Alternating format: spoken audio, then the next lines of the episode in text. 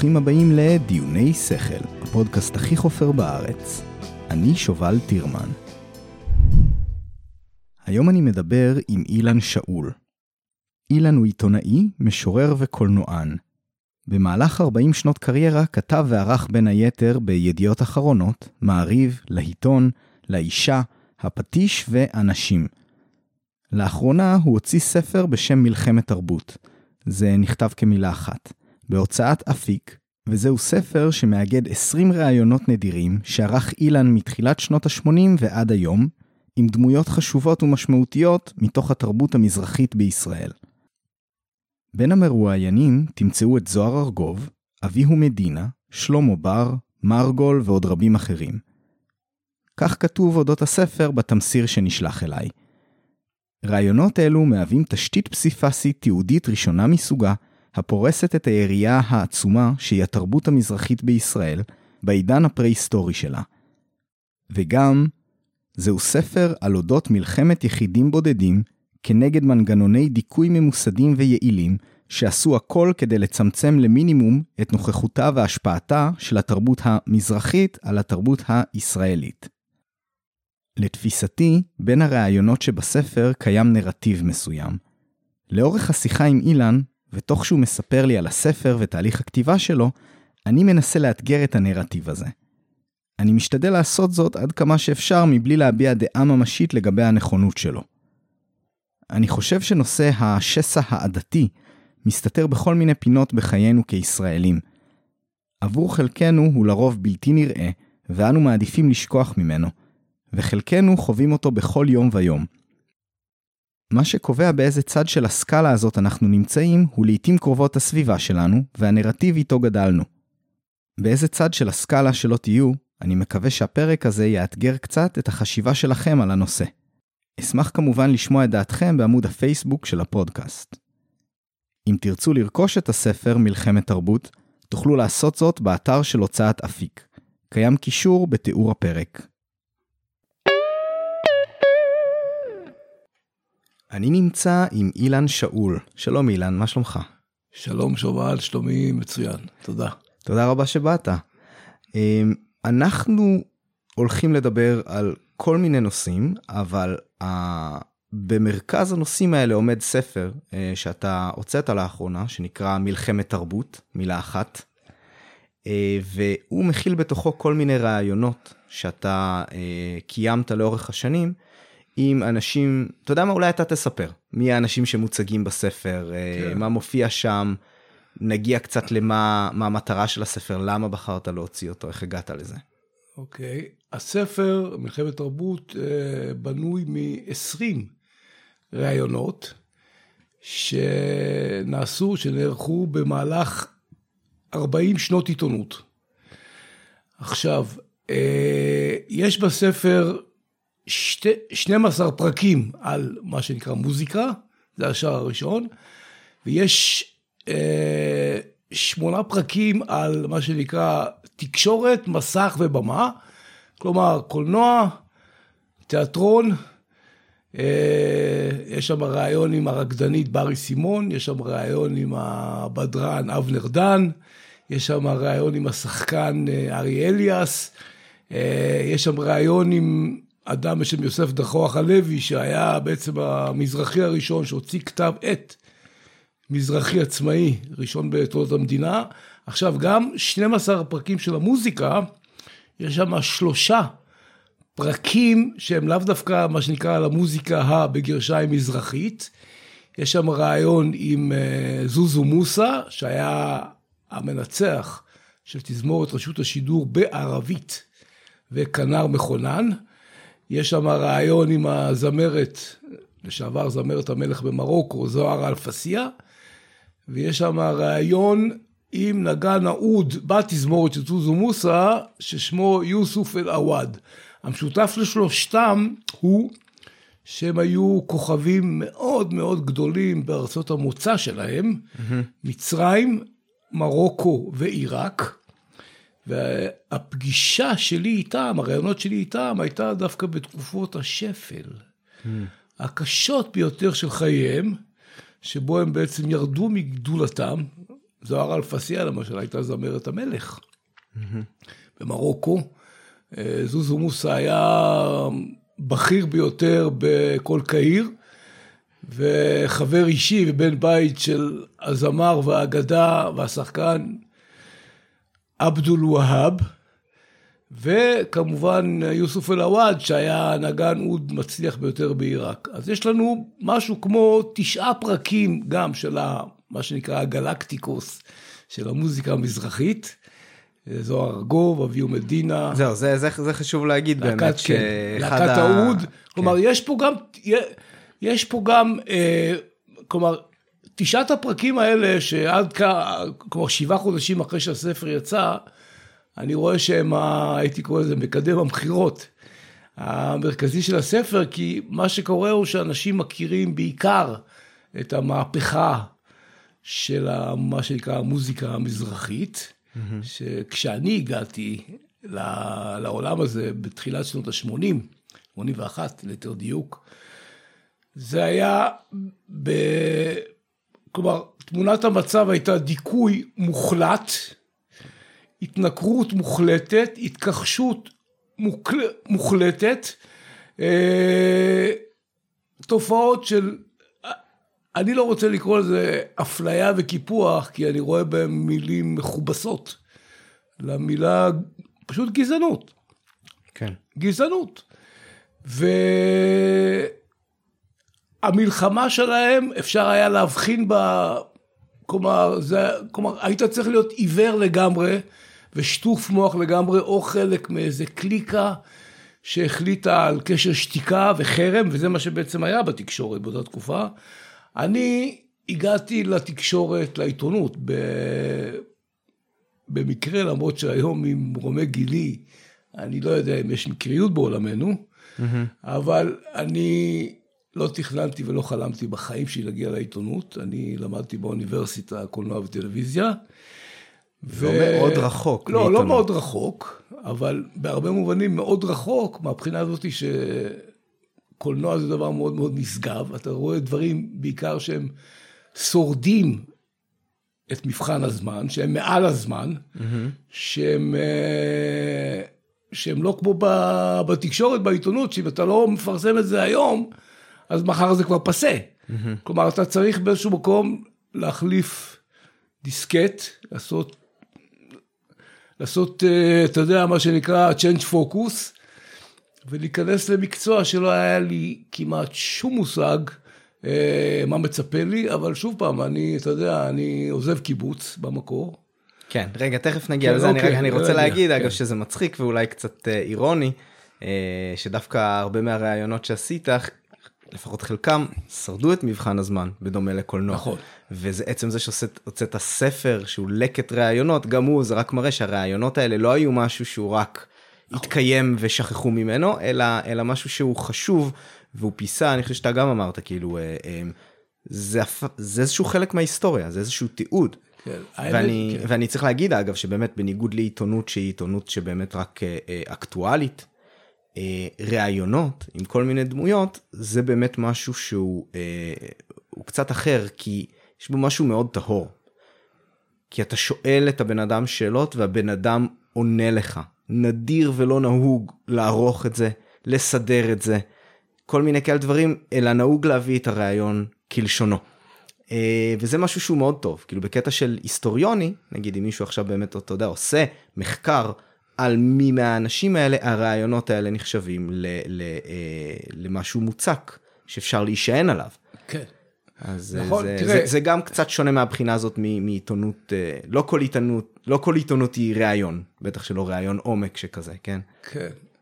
תראה, האמת היא, אני הגעתי אה, התחלתי בידיעות, ומידיעות הגעתי לשבועון שנקרא לעיתון, אני בכלל לא יודע אם שמעת עליו. שמעתי רק, בשנות, רק בשנות, מכאן. בש, כלומר זה יצא נדמה לי ב-69, זה מת בשנת 89, זה היה, זה היה בערך 20 שנה, היו לו תקופות שהוא היה שלאגר ענק. אה, וזה מה היה כאילו? זה היה שבועון בידור, שבועון כן. בידור שהתעסק אך ורק, אתה יודע, בפרופר. כלומר, בזמנו זה נחשב למשהו זול, למשהו נחות בעיתונות. זה היה מדורים קטנים, ופתאום, אתה יודע, פוסטרים של אלילים ושל זמרים, וזה גם, אתה יודע, היה הוליווד, והיה מעבר לים, ופסטיבל כאן, כלומר, זה היה מעין שבועון שפיזר אבל זה שבועון שעסק בכלל הנדבכים של התרבות, לא בטח. היה שם פוקוס על לא, התרבות לא, לא, לא היה המזרחית. פוקוס, אבל, אבל מאחר וזה היה עיתון שהיה בנוי על העיקרון המסחרי נטו, כמו שיש לך היום ערוץ מסחרי, הכי טוב, ערוץ מסחרי, אני חושב. ולא, הוא לא היה שייך לאגודת העיתונאים, הוא לוועדת העורכים ולמקבלי ההחלטות בממשלה, הוא פעל באופן עצמאי לגמרי, על בסיס מסחרי נטו. אז ברגע שיש לך זמר כמו שימי תבורי, או זמר כמו זוהר ארגוב, והוא, אתה יודע שהוא מוכר, למרות שהוא לא מושמע ברדיו, אבל אתה יודע שהוא מוכר, קסטות, הוא מופיע, יש לזה קהל. כלומר, עובדה.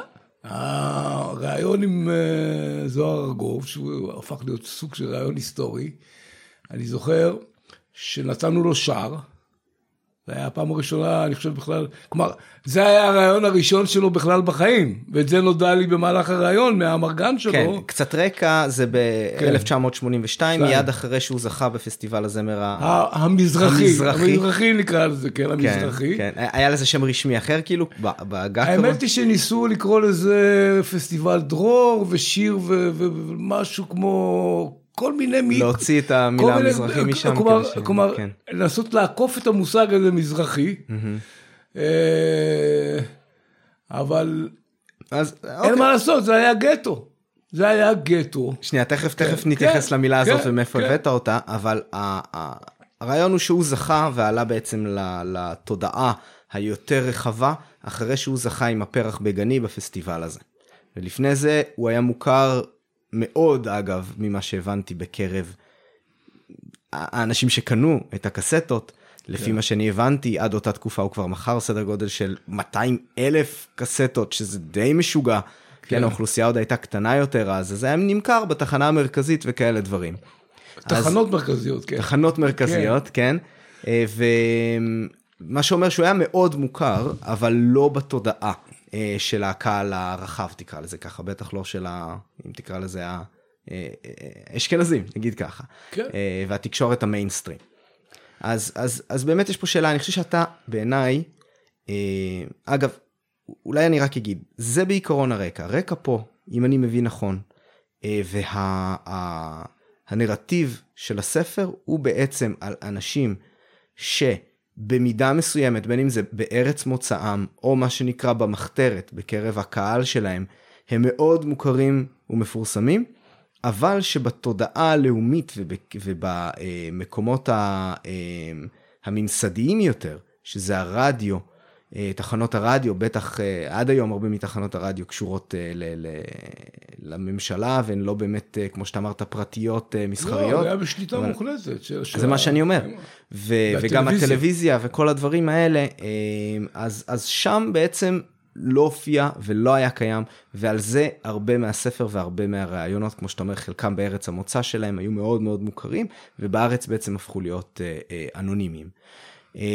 ואז בעצם נשאלת פה, נשאלות פה כל מיני שאלות.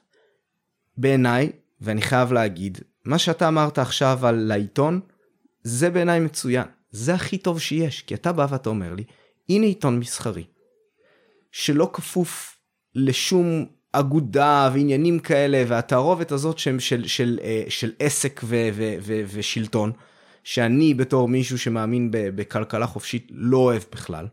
ואני אומר, זו הדרך.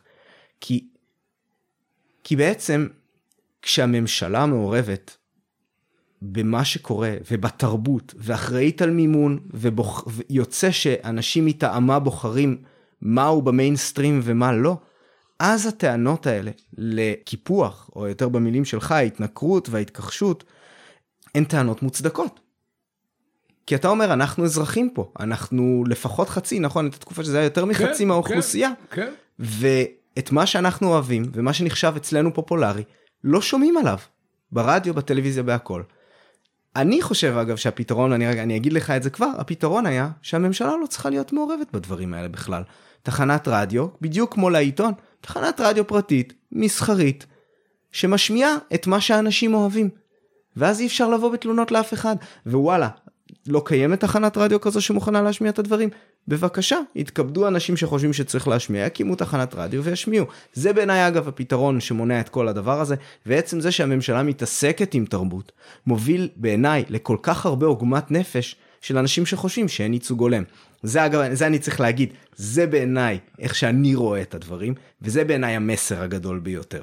אה, אה, וברור לי שלא ככה נהוג לראות את הדברים, בבקשה, אתה, אתה, אתה מוזמן להגיב לכל מה שאמרתי עכשיו. כן. תראה, דבר ראשון,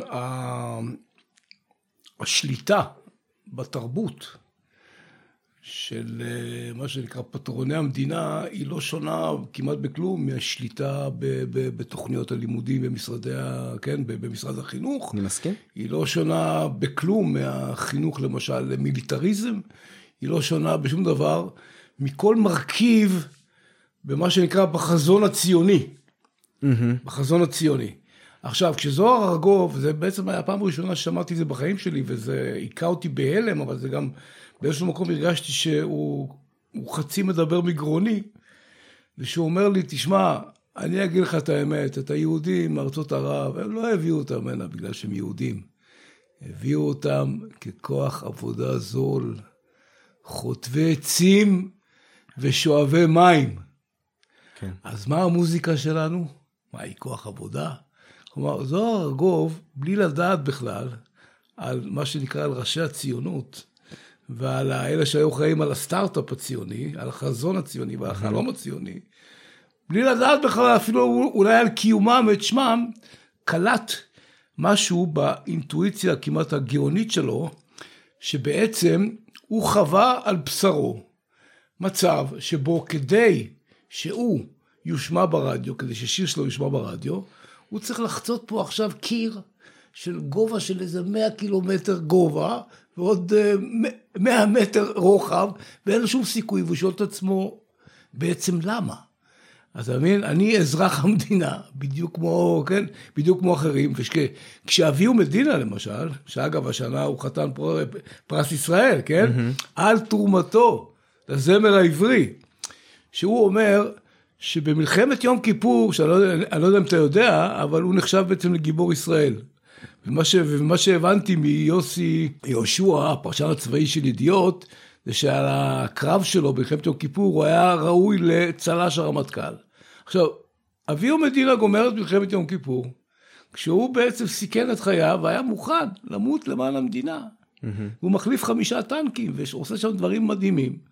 וכל החברים הכי טובים שלו נהרגים במלחמה, ובשביל זה הוא ישראלי. ואז בסוף המלחמה, שני שירים שלו זכו במקומות ראשונים בפסטיבל הזמר המזרחי, שהיה mm-hmm. בדצמבר, ובניגוד לשנים קודמות, הוא רוצה להכניס את אחד השירים למצעד הפזמונים הישראלי. Mm-hmm. מה שהכניסו לו בשנים קודמות, ואז אמרו לו לא, הוא שואל רק שנייה, למה לא? ואז אומרים לו, תשמע, השיר הזה הוא שיר מזרחי.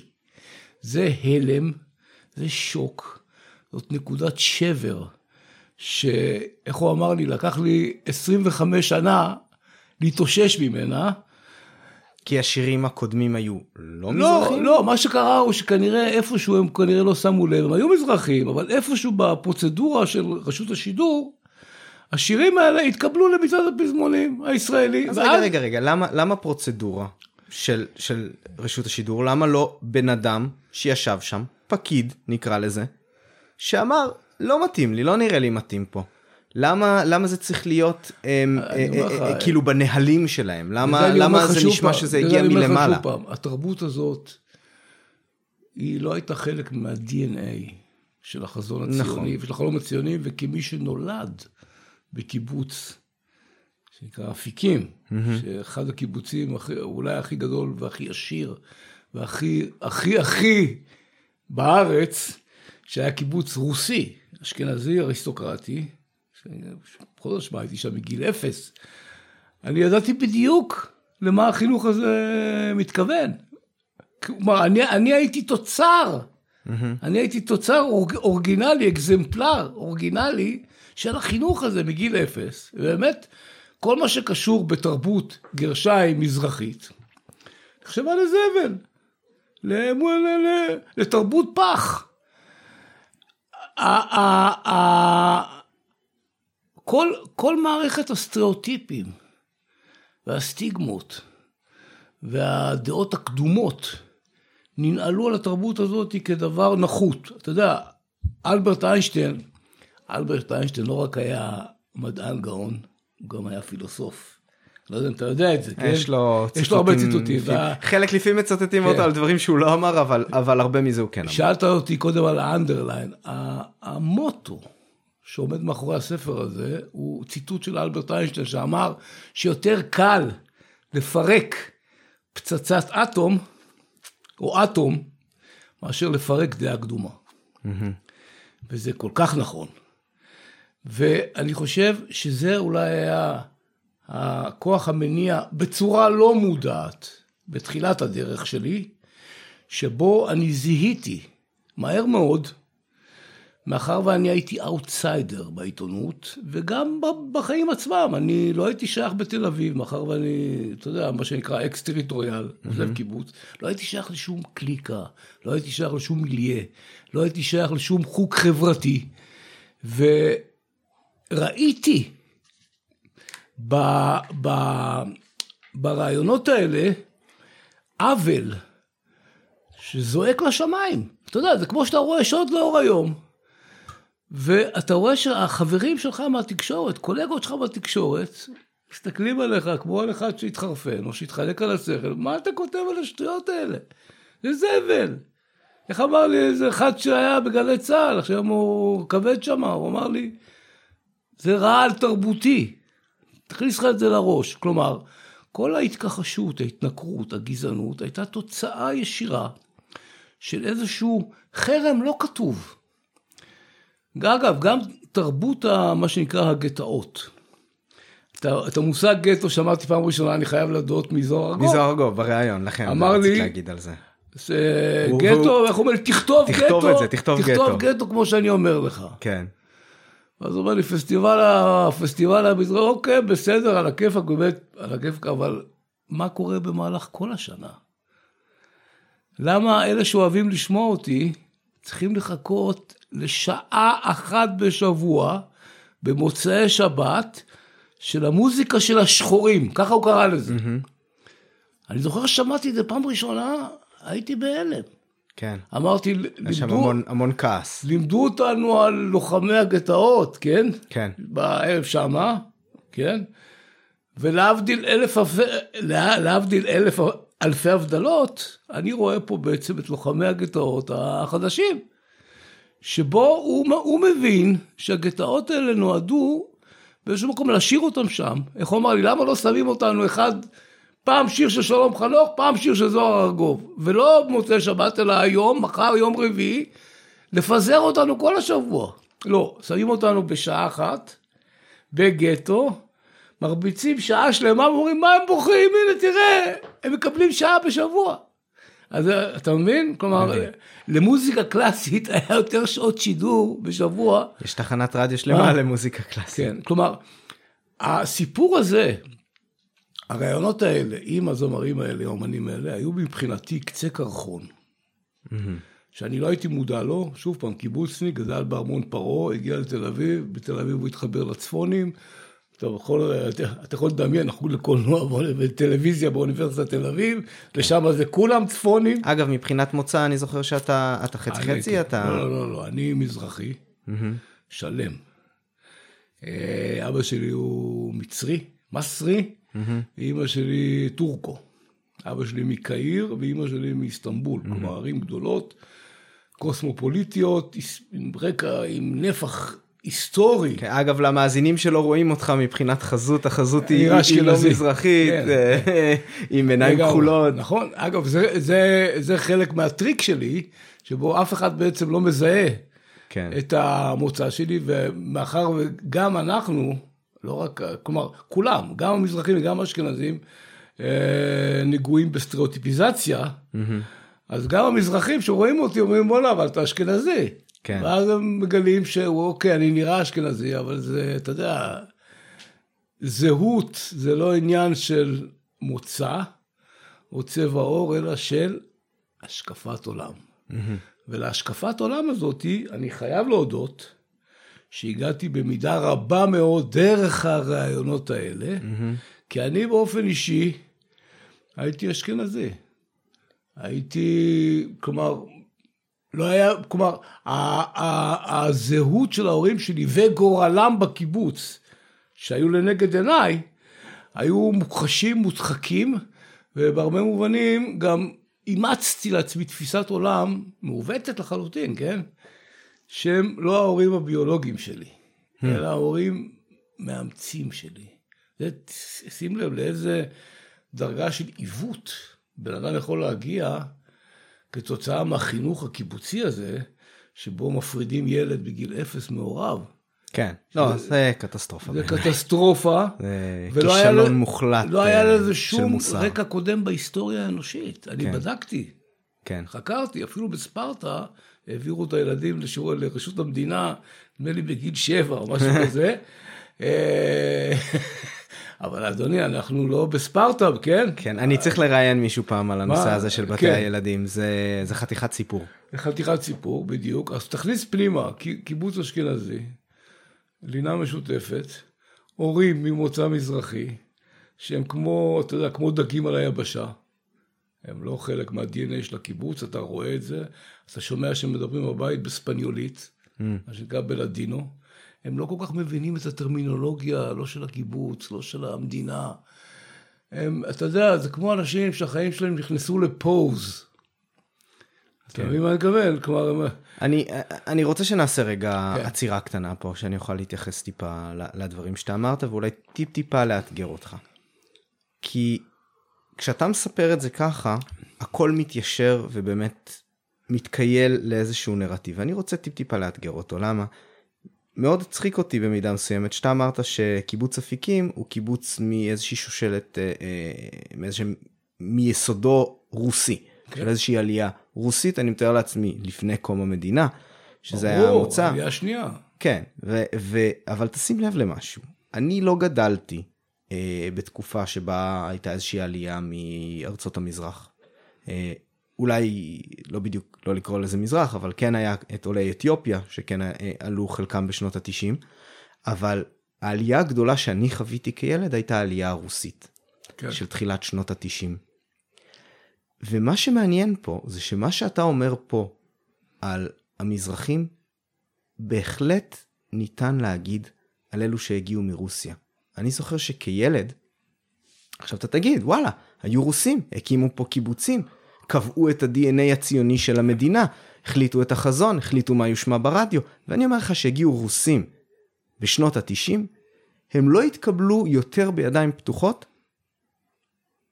אתה יודע, מקוייל לזמן, כן? בשנות ה-90 מן הסתם לא היה מעברות כמו שהיה בשנות ה-50, שלא היה איפה לשכן, כן? היינו טיפה יותר מוכנים לזה כמדינה, טיפה יותר בשלים, אבל על פניו, כשאני ראיתי ילד רוסי בכיתה א', אותה גזענות שהיית מצפה כלפי מזרחי.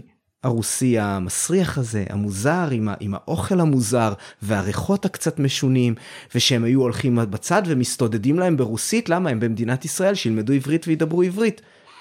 המחשבות הגולמיות, ה- ה- ה- ה- הסטריאוטיפיות האלה, הדעות הקדומות, היו קיימות כלפי אותם רוסים לבנים עם עיניים כחולות.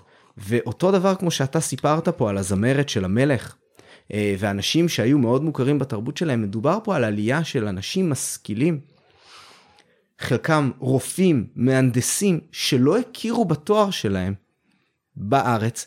אה, אה, שכנה שלי פה הייתה מתמטיקאית, מתכנתת אני חושב אפילו, ידעה מחשבים, משהו מאוד נחשק עד היום אגב, מה שהיא יודעת. היא תופרת. הפרנסה שלה, עשרות שנים פה במדינת ישראל, היא תופרת. למה? חסם של או חוסר הכרה בתארים שהיו לה, מה... אתה יודע, מהאוניברסיטאות הסובייטיות. חסם גדול מאוד של שפה. היא אמרה, אוקיי, אז אני יודעת מחשבים, אני יודעת מתמטיקה, אבל אני לא מסוגלת להתנהל בעברית. אז מה שאני אומר זה שכן, יש פה גזענות, יש פה דעות קדומות, אבל אני לא יודע אם זה מתיישר לגמרי עם הדבר הזה של, של אשכנזים שרואים את התרבות המזרחית כנחותה, יותר משהו טבעי יותר של בני אדם, של מה שזר ממני, ושונה ממני, אני לא רוצה אותו. אני רוצה את מה שמוכר, ואם מישהו הגיע מבחוץ אל הבית שלי, הוא צריך להתיישר למה שקורה כאן, ולא לצפות שעכשיו אני אתיישר לתרבות שלו. וזה יש כאן משהו שהוא קצת יותר בעיניי מיובל נוח הררי מבדיל בספרים שלו בין גזענות לתרבותנות, שיש המון המון חיבור ביניהם, כן? אבל משהו שהוא קצת יותר של, תרבות, של תרבותנות, של זה המוכר שלי, מה אתה מכניס לי פה דברים שאני לא מכיר? אני חושב שניתן לגשת לזה בצורה שהיא טיפה יותר סלחנית, אבל הסייג שאני צריך להגיד זה שהעוול הגדול ביותר בעיניי הוא העניין שבו הממשלה שולטת בתרבות, בעיתונות, בתקשורת, ואז אותו קטע של אתם זרים מקבל איזשהו, אה, ואתם לא שייכים, מקבל איזשהו תוקף אמיתי כזה ומאוד רשמי.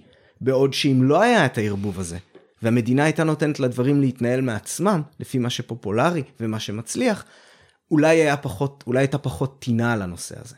זה, זה, ככה אני רואה את הדברים, מעניין אותי אם, אם okay. זה אוקיי. גורם לך לראות את זה קצת אחרת. תראה, הספר נקרא מלחמת תרבות, כלומר, אה, החזית שבה אני נלחמתי, פעלתי והייתי מעורב, הייתה החזית התרבותית, וכמובן החזית של התקשורת. אני לא, הספר הזה לא מתיימר אה, לפענח את כל, הש... את כל הבעיות והשיבושים אה, והפגעים והמחלות של הציונות והמהגרים, לא.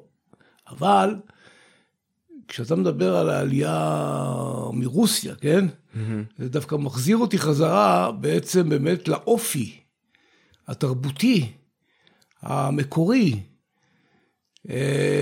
של החזון הציוני, שאני קורא לו חלום לבן.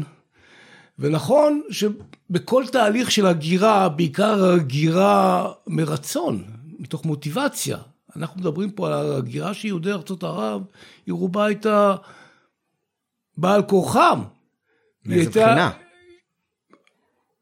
שהשלטונות שם... אה, לא, מה שקרה עוד שאחרי 48, אחרי הניצחון ב-48, ובעקבות העובדה שכל העתודות האנושיות של הציונות, שהייתה כמובן מאירופה, mm-hmm. הייתה בנויה על אירופה, בעצם נשרפה באושוויץ בשואה, התקבלה החלטה. החלטה, אתה יודע, מהיום להיום, שאתה יודע, יש לנו מה שנקרא יותר מדי מדינה, שטח, על פחות מדי עם, הם בסך הכל היו 600 אלף איש. Mm-hmm. אתה מבין? כשהם בעצם גירשו מפה 750 אלף אה, פלסטינים. כן. גורשו, ברחו, כן, אלף ואחד דברים, והיה, והיה צריך, היה צריך להקים את המדינה.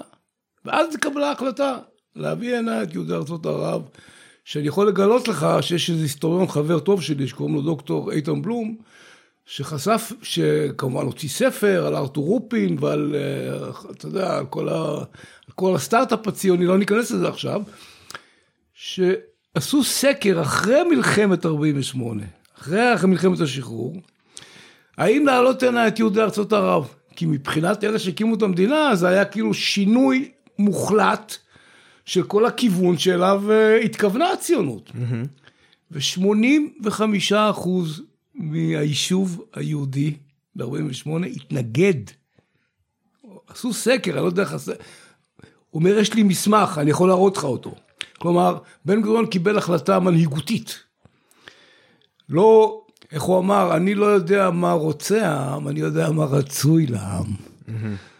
עכשיו, ככה שיש פה ב, ב, בגל, אגב שים לב שהעליות האשכנזיות זה תמיד העלייה הראשונה, השנייה, השלישית, הרביעית, החמישית, העלייה של יהודי ארצות ערב היא העלייה ההמונית, כלומר היא העלייה הלא ממוספרת mm-hmm. של, ה, כן, של המדינה הזאתי, מסיבה אחת פשוטה, שאף אחד לא ספר אותה. אתה מבין? כן. אז ככה, כשאתה מדבר איתי על העלייה מרוסיה, דבר ראשון, מבחינת, ה, אתה יודע, מבחינת, ה, איך אני אסביר לך את זה, התחושה שהם באו הנה, הם באו הנה במובנים מסוימים הביתה, למקום שאולי הם לא מכירים אותו, הם צריכים לעבור עכשיו תהליך שלם של הגירה, אבל זה לא היה כמו, איך אני אסביר לך את זה, כמו חורבן. ושים- אבל, אבל רגע, אגב, אני, אני לא בטוח שאם היית עושה סקר כזה, אה, לגבי אותו דבר עם העלייה הרוסית, יכול להיות שה- שהיית מקבל משהו מאוד שונה. כאילו, נכון. לא, אולי זה לא היה 85 אחוז, אבל בעיניי יש סיכוי לא. טוב שמעל 50 אחוז היו אומרים שלא, ורק בתנאי, ורק זה, כאילו, יכול להיות שהיה ניואנס והיו אומרים... אה, התקשורת מאוד מאוד מאוד פרגנה לעלייה הזאת, שים לב גם שהמזרחים, עד היום בעצם, אולי חוץ מש"ס, לא הצליחו מבחינה פוליטית להקים מפלגות עצמאיות. וגם אם הקימו, את- תמיד המפלגות האלה חוסלו מהר מאוד, ותמיד זה היו נציגי עדות וקישוטים עדתיים, ו, ו, וכל מפלגה ש, ש, שרצה להיות עצמאית איכשהו חוסלה. ש"ס היא למעשה קופי פייסט של החרדים האשכנזים, כן. ככה שבמובן מסוים הם, הם לא ממש מזיקים, כן? אבל תחשוב, הפנתרים השחורים לא הצליחו ממש להיכנס לכנסת. אצל הרוסים אתה רואה בדיוק ההפך, ישר, ממש, ב-96. העלייה הגדולה התחילה ב-92 או 91. היה לך כבר את ישראל בעלייה, עם נתן אנטולי שרנסקי, שבעה מנדטים. אחרי זה ליברמן. יש- ישראל ביתנו. אבל זה רק אומר לך, אגב, אילן, תיאטרון, מה- מהבחינה תיאטרון, הזאת... תיאטרון, הם הקימו תיאטרון. אני מבין. מה- גשר. אוקיי, אבל, עיתונים. אבל מי, מי, מי, הם הקימו, זה בדיוק מה שאתה אומר, אז אני הם אומר, הקימו. הם הצליחו, אבל, לא, הם, הם הצליחו בגלל שהם פשוט נפלו לתוך תנאים שמבחינתם היו אחרים לגמרי. אני שאלתי את אריה אליאס, אמרתי לו, אני יודע, יש לי מידע מודיעיני, שרצו להקים פה תיאטרון מזרחי עצמאי. היה לי את היום, את הפגישה, את האנשים שהיו בפגישה. כן. כי הם לא יכלו, הם לא יכלו לשרוד בתיאטרון האשכנזי, היית צריך מבטא רוסי, אוקיי. היית צריך מבטא... ואז הוא אומר לי, אתה צודק לאללה, אבל היו לנו שני נציגים במ- במפלגת העבודה או מפא"י, זה היה מרדכי בן פורת ושלמה אבל הלל. אתה אומר עצמאי, ברגע שאתה מכניס פה נציגים במפלגה זה לא עצמאי, זה דורש סבסוד של המדינה. אז אומר, מה אתה... לא, כן. עכשיו, אני אומר שוב פעם, אתה רואה ישר מהצד איך העלייה הרוסית, היא הייתה, היא לא הייתה סרח עודף, אלא היא הייתה סוג של ענף. שחזר אל הגזע, אבל שנייה, התחבר בוא, אל בוא אני אשאל הגזע. אותך, בוא אני אשאל אותך, ונעשה את זה הכי גס בעולם. איך אתה יודע שזה לא פשוט האופי של העולים? שהם אמרו, אנחנו רוצים עיתון, אנחנו רוצים תיאטרון להיות. זין על כולם, נקים. תיאטרון ונקים מפלגה. תשמע, אני יודע שגם המזרחים רצו עיתון. הנה עובדה, יש לי ראיון עם, עם אדם בשם יוסף דוכח הלוי, שאדם קדוש, שהצליח ב-64, אבל הוא מספר לי על כל תהליך הדיכוי שהוא עבר, כל תהליך העינויים שהוא עבר. על ידי מי? זה- מי על ידי- יגיד לו על- אל על ידי תקים עיתון? הממסד האשכנזי. מי לא- יגיד לו אל תקים עיתון? לא, תשמע, אתה צריך להבין דבר פשוט, זה... זה... אתה, אתה יודע, אתה שופט, אתה שופט אנשים בכלים של, של, של, של המאה ה-21. כן. לא, לא, אני לא שופט, ואגב, אני לא, אני לא אומר פה כן. לגמרי את הדעה שלי, אני רק מאתגר את, את צורת החשיבה הזאת. אז אני אומר לך, שמע, תראה, אתה צריך להבין, ה- ה- הרעיונות האלה, שמבחינתי היו באמת איזשהו גילוי של יבשת, פלנטה תרבותית, שאני חייב להודות, אני לא הכרתי, לא ידעתי על קיומה, וזה היה, הרגשתי כמו קולומבוס. אתה הולך, אתה הולך לכתוב על, אני יודע מה. הרעיון עם זוהר ארגוב היה הדבר לא, הראשון לפני זה, לא, לא, לא? לפני זה היו לי ה- ה- מה שנקרא מחילת הארנב, מאליסה בארץ הפלאות. כן, כן. מחילת הארנב, או מאורת הארנב, הייתה זמר בשם סטלוס.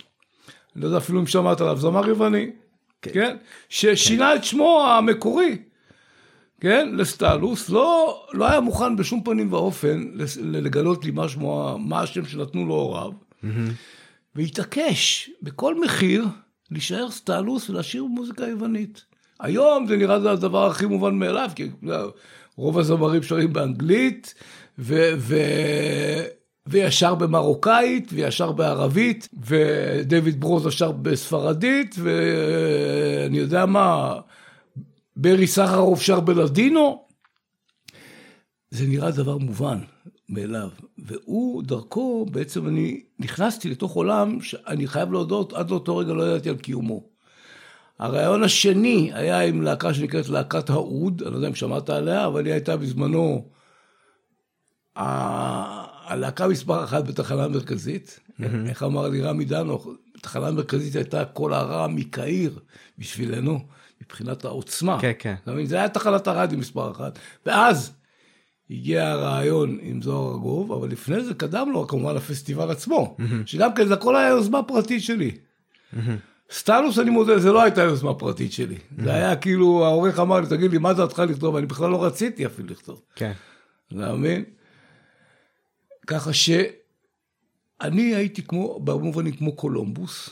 אני הלכתי, אתה יודע, להתפרנס, לשלם שכר דירה, הייתה לי כבר בת זוג, ואתה יודע, בידיעות לא שילמו מספיק, ולעיתון שילמו, כן, מעל ומעבר, אבל מתוך שלא לשמו, מסתבר שבא לשמו. והרעיונות האלה הובילו אותי בכלל להתפכחות. אתה יודע, זה כמו, זה כמו עיוור שמתחיל לראות. Mm-hmm. זה כמו ניתוח קטרקט. כלומר, זה נגע לדברים אישיים, עמוקים עמוקים, שלי באופן אישי, שאם סיפרתי לך קודם שאני ראיתי בהורים שלי הורים מאמצים, כן. ולא הורים ביולוגיים, אתה מבין לבד שאני הייתי בדרגה של, של עיוות פסיכולוגי מאוד מאוד כבד. אתה יודע, זה, זה מפצים, כלומר זה מפץ תודעתי עצום, שעזר לי, אני חייב להודות, לצאת מה שאני קורא הארון האשכנזי. Mm-hmm. ולהתחיל לאמץ. בהתחלה באופן לא מלאכותי, אבל אתה יודע, כתלמיד, מרכיבים של זהות שלא היו קיימים בי. שעזרו לי מאוד מאוד מאוד מבחינה פסיכולוגית. זה היה כמו טיפול פסיכולוגי. ואני ראיתי ברעיונות האלה אה, משהו אישי, למרות שהיה קשה לפרסם אותם. הם לא זכו למחיאות כפיים. זה היה כמו לחפש את המטבע, כלומר, המטבע לא מתחת לפנס, אלא במקום אפל וחשוך. וכשאתה שואל אותי על הספר, אז אין ספק שהספר הזה הוא תוצאה של, הייתי קורא לזה, שלח, שלח לחמך על פני המים. Mm-hmm. כי ברוב הימים תמצאנו. כן. עכשיו, אתה לא שאלת אותי, כן, אבל הרעיון לספר, הרעיון לספר לא היה שלי. Mm-hmm. שוב פעם, מה שמוכיח לך, שבדיוק כמו שהרעיונות האלה בחרו בי. אתה מבין? כן. כמו שאני אומר, הדרך היא חכמה מההולך בה. Mm-hmm. ואתה, לפעמים אתה מחפש ומחפש ומחפש, ועד שאתה לא מוצא, אתה בעצם לא יודע מה חיפשת. כן. זה לא שהיה לי איזה רעיון, אתה יודע, איזשהו רעיון דוגמטי כזה, שאני הולך לפענח את, ה, את, ה, את הקודים הכי הכי נסתרים של התרבות המזרחית. לא, זה קרה לגמרי לגמרי במקרה. אבל כנראה שזאת הדרך, מסתבר. או, אתה יודע מה זה מתחבר למשהו שרציתי להגיד לך. אתה מדבר פה על כנראה שזאת הדרך, ושהדרך היא גדולה יותר וכל מיני כאלה. מה אם כי אתה אומר היום זה מובן מאליו, שזה שר בלדינו, וזה שר בערבית, וזה שר בספרדית. כן. אתה אומר, אבל פעם זה לא היה ככה. ואני אומר, אילן, מה אם הזמן שלוקח לתרבות אחת לקבל תרבות שנייה, שהתערבבה איתה, הוא בעשרות שנים? מה אם פשוט זה טבעו של עולם? הרי לא באמת נעשה ניסוי כמו שנעשה פה במדינת ישראל בשום מקום בעולם. אין לנו דרך להשוות. אולי אפשר להגיד משהו על השחורים באמריקה, אבל זה אחר. ואני מנסה עכשיו אם יש עוד דוגמאות של זה, כנראה שלא. מה אם פשוט אנחנו כבני אדם רואים את מה שקורה עכשיו ומסוגלים לראות סקלות של שנים בודדות, אבל אם מישהו יעשה זום אאוט בעצם, ויסתכל עוד 700 שנה על התהליך הזה שקרה פה, שבו יש לך אוכלוסייה כמעט כולה אשכנזית, איזשהו מיעוט ערבי קטן שנשאר. וכמו שאתה אמרת, חיפשו, הייתה מדינה בלי אזרחים, בלי תושבים, חיפשה להביא אנשים, הביאה אנשים שאולי באמת, אתה יודע, לא הבחירה הראשונה, אבל, אבל זה מה יש. יכול להיות שבזום אאוט, ואם מסתכלים על זה, בטווח של, בסקלות של עשרות שנים, מי שינתח את זה כהיסטוריון בעוד 500 שנה יראה בזה כסיפור הצלחה, ויגיד וואו, ב-30 שנה, 30-40 שנה, הם הצליחו להגיע ממצב של שתי תרבויות כל כך שונות, למצב שבו הדברים כל כך מעורבבים, גם מבחינת נישואים ונישואי תערובת, שזה לא דבר זר ומוזר, גם לא, ההורים שלי, אני מדבר איתך מתי הם התחתנו? לפני 45 שנים, הייתי אומר. זה לא היה משהו שאתה יודע, כמו בארצות הברית, היה חוק נגד נישואי תערובת. וזה שביטלו את החוק הזה היה דבר ענק. זה היה מקובל, זה היה בסדר. אז אני אומר, יכול להיות שבהסתכלות מרחוק יגידו וואלה, סך הכל סיפור הצלחה, בסדר, למי שחי באותו רגע יש תמיד את מה שנקרא דור המעבר, דור המדבר, האנשים שצריכים לסבול את תקופת המעבר המאוד מאוד קשה הזאת, את הזיכרון של הבית בארצות המוצא ואת ה... מה שקורה פה ואיך שמתייחסים אליהם פה, אבל הילדים שלהם, ואם לא הילדים אז הנכדים שלהם כבר חווים תרבות שהיא סך הכל די סיר ההיתוך שהיה בחזון בשלב כלשהו. אולי זה כן סיפור הצלחה. תראה, על זה בדיוק אני חושב הספר, כי אם, כלומר, הספר נועד כמובן לא רק לדורות שחיים היום, בהווה, בעיקר הדור שחי, שבא אחריי, כן? אלא גם לדורות הבאים.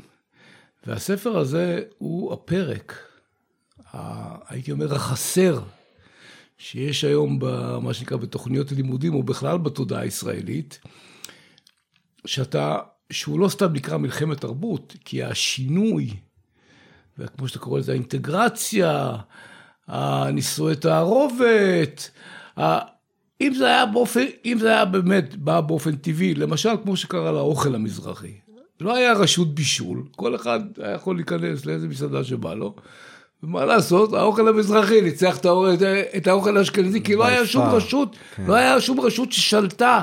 ואמרה לאנשים, תשמע, אתה אל תאכל חומוס, אתה אל תאכל קבב, אתה אל תאכל שווארמה, תאכל רק קרפלח וצימס וגיאקטלבר. לא. אבל בכל מה שקשור לתרבות, ולא רק למוזיקה, אנחנו מדברים פה גם על, הכל, על התיאטרון, אנחנו מדברים פה גם על הספרות, אנחנו מדברים על הכל, כלומר, כמעט כל, המוזיקה היא פשוט דגמנה את המהפכה. הכל בא במלחמה. עכשיו, אתה צריך להבין, אני לא יושב היום באוגוסט 2022 ומסתכל על מה שהיה ואומר, וואו, בוא'נה, איזה הצלחה. לא, אני הייתי שמה עם הלוחמים. כן, בשוחות. בשוחות, ואני זוכר שהייתי במסיבת עיתונאים ענקית, שב-83, אנחנו מדברים כמעט 40 שנה, mm-hmm. שבה אביהו מדינה, שהיום הוא חתן פרס ישראל, על תרומתו לזמר העברי, הודיע אז שהוא הולך להקים ספינת שידור מול חופי ישראל, פיראטית, בדיוק כמו ספינת השלום, כל השלום, שאתה בטח, בטח שמעת עליה, כן? כן? שהייתה כן. מול חופי ישראל מ-73. כן, היו כמה תחנות פיראטיות. גם היה... כן, אבל כל השלום... מה היה, גם של החרדים היה איזה משהו פיראטי, לא? יכול להיות, אבל כל השלום הייתה מאוד מאוד uh, חזקה, כן. ועם אחוזי האזנה גבוהים. ו... זה היה רעיון מבחינתי, אני זוכר, אני זוכר שמעתי את זה, כלומר, אביהו מדינה הצליח לנסח בצורה מדויקת כל מיני סעיפי אישום שכבר לאט לאט התחילו ככה, אתה יודע, להבשיל אצלי. ו... אגב, זה, זה העוול הגדול. כן. זה שבן אדם כדי להקים תחנת רדיו פרטית, כן. צריך לעשות את זה באופן פיראטי, ולא יכול לעשות את זה בצורה לגיטימית, זה משהו שאני חותם לך כן. שהוא בעייתי. עכשיו, מה שאני רוצה להגיד לך, אה, אני הייתי בטוח, כלומר, הוא להקים ספינת שידור שתשנה את כל מפתח ההשמעות. כן? מצוין, ש... בעיניי, אתה מבין, נכון, הנה, אלה כן. הפתרונות, יוזמות פרטיות זה הפתרון. עכשיו, שים כן. לב, אני, אני, אני זה שלקח את התגובה של משרד התקשורת. שר התקשורת היה אז מרדכי ציפורי, מהליכוד, מחירות. הממשלה שהייתה בשלטון, הייתה ממשלת הליכוד. כן. ושר התקשורת, לפחות הדובר שלו הודיע לי, שאם אביהו מדינה יקים את אותה ספינת שידור, המדינה תטביע את הספינה הזאתי ולא תיתן לה להתקיים. וזה היה מבחינתי איזה סוג של, אתה יודע, כמו, כמו פצצת תאורה. אמרתי לעצמי רק שנייה, למה לא מטביעים את אה, ספינת, את כל השלום? ולמה מאיימים להטביע את, את הספינה שכן שרוצה להקים, ואז פתאום ירד לי האסימון. לא, אבל אתה מבין שבן אדם שהוא... לא, יש פה אליגוריה. אדם אבל רשמי, שהוא נציג של ממשלה, לא יכול לתת את ברכתו למשהו שהוא לא חוקי. בסדר, אז למה, אז למה הם נותנים את ברכתם? כן, השאלה אם הם היו עושים את זה בפועל. אני לא חושב שהוא נתן את ברכתו לכל לא, השלום. לא, לא. פשוט זה כבר קיים. לא, אני אסביר לך, וגם הסבירו לי את זה. כל השלום לא איים על ההגמוניה. של האשכנזים. המוזיקה שהוא השמיע, הייתה ממילא המוזיקה שהם שמעו או בגלי צה"ל, כן, או בקול ישראל, כן? זה voice of peace, ש... כלומר, הרבה יותר קל למכור שלום מאשר רעיון מזרחי שבעצם עומד בסתירה מוחלטת לרעיון שלהם, כן, לרעיון התרבותי שלהם, לא שחותר. לחלוטין נגד ההגמוניה שלהם, זה כן. נגד השליטה שלהם, נגד הגזענות שלהם, נגד הקולוניאליזם התרבותי שהם הפעילו, נגד הפטרונות, זה סוג של מהפכה. כלומר, ברגע שתהיה כזאת תפילת שידור, וברגע שייחשף, אחו- אה, ייחשפו אחוזי ההאזנה האדירים שיש לכזה דבר, כי בכל זאת הם היו 50 אחוז מהמדינה, כן. ש... שלא זכו בעצם לשירות, כן? לייצוג. כן. עכשיו, זה לא רק הייצוג, זה גם המיוצגים. זה עלול לשנות פה את כל מאזן הכוחות. עכשיו, מבחינתי, ברגע שהמדינה מאיימת להטביע את הספינת שידור של אבי מדינה, זאת, כשאני מסתכל על זה היום, זאת אליגוריה ודימוי. הייתי אומר, כל כך מדויק למה שהמדינה בעצם ניסתה לעשות לתרבות הזאת, להטביע אותה. פשוט שהיא לא תהיה קיימת. ולהוכחה, המושג הזה שנקרא גטאות, שכמה שחקרתי את זה לעומק, הגטאות פשוט נועדו להשאיר אותם שם, בתוך הגטאות, שהם לא יתרחבו, שהם לא יגדלו, שלא יאהבו אותם יותר מדי, שלא יקשיבו להם יותר מדי, ואז לאט לאט הם יוכחדו בעצמם, בכוחות עצמם באופן טבעי. אתה מבין? הנה, אני לא צריך, אתה יודע, לתת, לתת פה יותר מדי דוג- דוגמאות לניסיונות ההטבעה של המדינה, של התרבות. אבל התרבות הזאת, התרבות היא רפלקציה לאלף ואחד דברים. אחרים, שבו אתה רואה שיהודי ארצות ערב, הם באמת, המטרה האמיתית שלהם הייתה פה להיות חוטבי עצים ושואבי מים. אוקיי, אז יש, יש, לי לא, המון, לא. יש לי המון להגיד, כן. המון מה להגיד על זה. קודם כל, אני לא, אני אומר, ברור שהיו לא מעט תקלות. בעיניי, אגב, כאמור, הדבר הראשי שמפריע לי, שאני לא חושב שיש שום עניין למדינה לעסוק בענייני תרבות. אני לא חושב שזה עניינה של אבל המדינה. זה, מה שהיה. אני יודע, לא, לא, אני יודע. וזו בעיניי הרבה מהבעיות. כן. בתוכניות הלימודים, משרד החינוך, שבו לא לומדים ערבית למשל, כן. מכיתה א', נכון, נכון. שיש לזה מגמה. כן. אז אתה יש לזה מטרה. זה לא... לא, זה, זה אבסורד, זה שלא לומדים אה, אני אומר, ערבית ב- במדינת ישראל. אני חשבתי זה- שהכל באמת זה היה באקראי, והקימו לא, אני, אני מדינה, לא ולא אני היה לא יודע אם זה זמן. באקראי, אני רק אומר שזה כן קצת יותר אורגני ופחות מכוון. אני לא מאמין באיזושהי... הכל היה, הכל היה מתוכנן. אני לא אני- חושב אז שהכל היה אני מתוכנן. אומר לך, אני חושב אני- שאתה אני- נותן יותר מדי קרדיט. כי לא, כמו לא, שאתה לא. תגיד שהיום אז במדינת אני- ישראל הכל אני אומר לך מתוכנן. שוב פעם, שאני גם חשבתי שבן גוריון בא מה... לא, לא, אני ראיתי ציטוטים של בן גוריון. מהשדות של דגניה. אני ראיתי לא מעט דברים. כן, יש, ו- ברור לא- לי שהייתה גזענות, ברור לא, לי. לא, גאה, הייתה תוכנית מתוכננת, דבר דבור על אופניו, הכל היה, הכל, לא היה פה שום דבר מקרי. אתה יכול לראות את זה בכתבים, בכתובים. הניסיון למחוק גם כל מיני דמויות היסטוריות כאלה, כמו ארתור רופין, שהיה גזען נטו, שאם אני אגיד לך את השם שלו, תגיד לי ארתור רופין, אה, אני יודע, יש רחוב על שמו, יש מכללה על שמו, יש אולי בית ספר על שמו, אבל אתה לא יודע בדיוק מי הוא, כן? אתה מכיר אה, יותר... בסדר, אני- אבל אני לא מכיר יותר מדי, בלי אוקיי, קשר. אתה לא מכיר. יותר את, ה, את, ה, את, את התלמידים שלו, את אלה שיצקו מים על ידיו, ובעצם הגשימו את תורתו, מבן גוריון ועד, אה, אתה יודע, ברל כצנלסון וכל מיני כאלה, אתה יודע, עגנון, כלומר, ה... אנחנו הרבה הרבה דברים לא יודעים, כי לא, כי לא לימדו אותנו. אנחנו למדנו פה היסטוריה מאוד מאוד מצונזרת ומסווגת, והספר הזה, וגם הרבה דברים שעשיתי, הוא ניסיון ללמוד בו לבד, בכוחות עצמי. דיברת קודם על נרטיב, בפירוש יש לספר הזה מטרה, לנסח נרטיב אלטרנטיבי לנרטיב הרשמי, כן? הייתי אומר, קורא לזה, הספר הזה הוא הנגטיב של הנרטיב הפוזיטיבי, כן? עכשיו, הספר לא נעשה כהכרזת מלחמה, או כנקמה. הוא גם לא נכתב מתוך זעם, הוא נכתב מתוך אהבה. כמה שזה יראה לך אבסורד. אה, הוא נכתב בתקופת הקורונה. אני הייתי, לפני שהתחלתי לעבוד על הספר הזה, הייתי עורך התרבות של מעריב.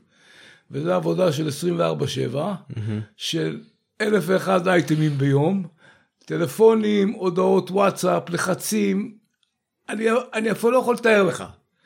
ואז פתאום יום אחד הוציאו אותי לחל"ת, ואז אחרי חודשיים נפל לי הסיפור הזה של הספר, שקיבל תמיכה של מפעל הפיס, אבל הייתי כמובן צריך למצוא הוצאת ספרים. המו"ל של הספר הזה הוא יפתח אלוני, הוצאת אפיק, שהרים את הכפפה, שאגב הוא גם קיבוציק לשעבר.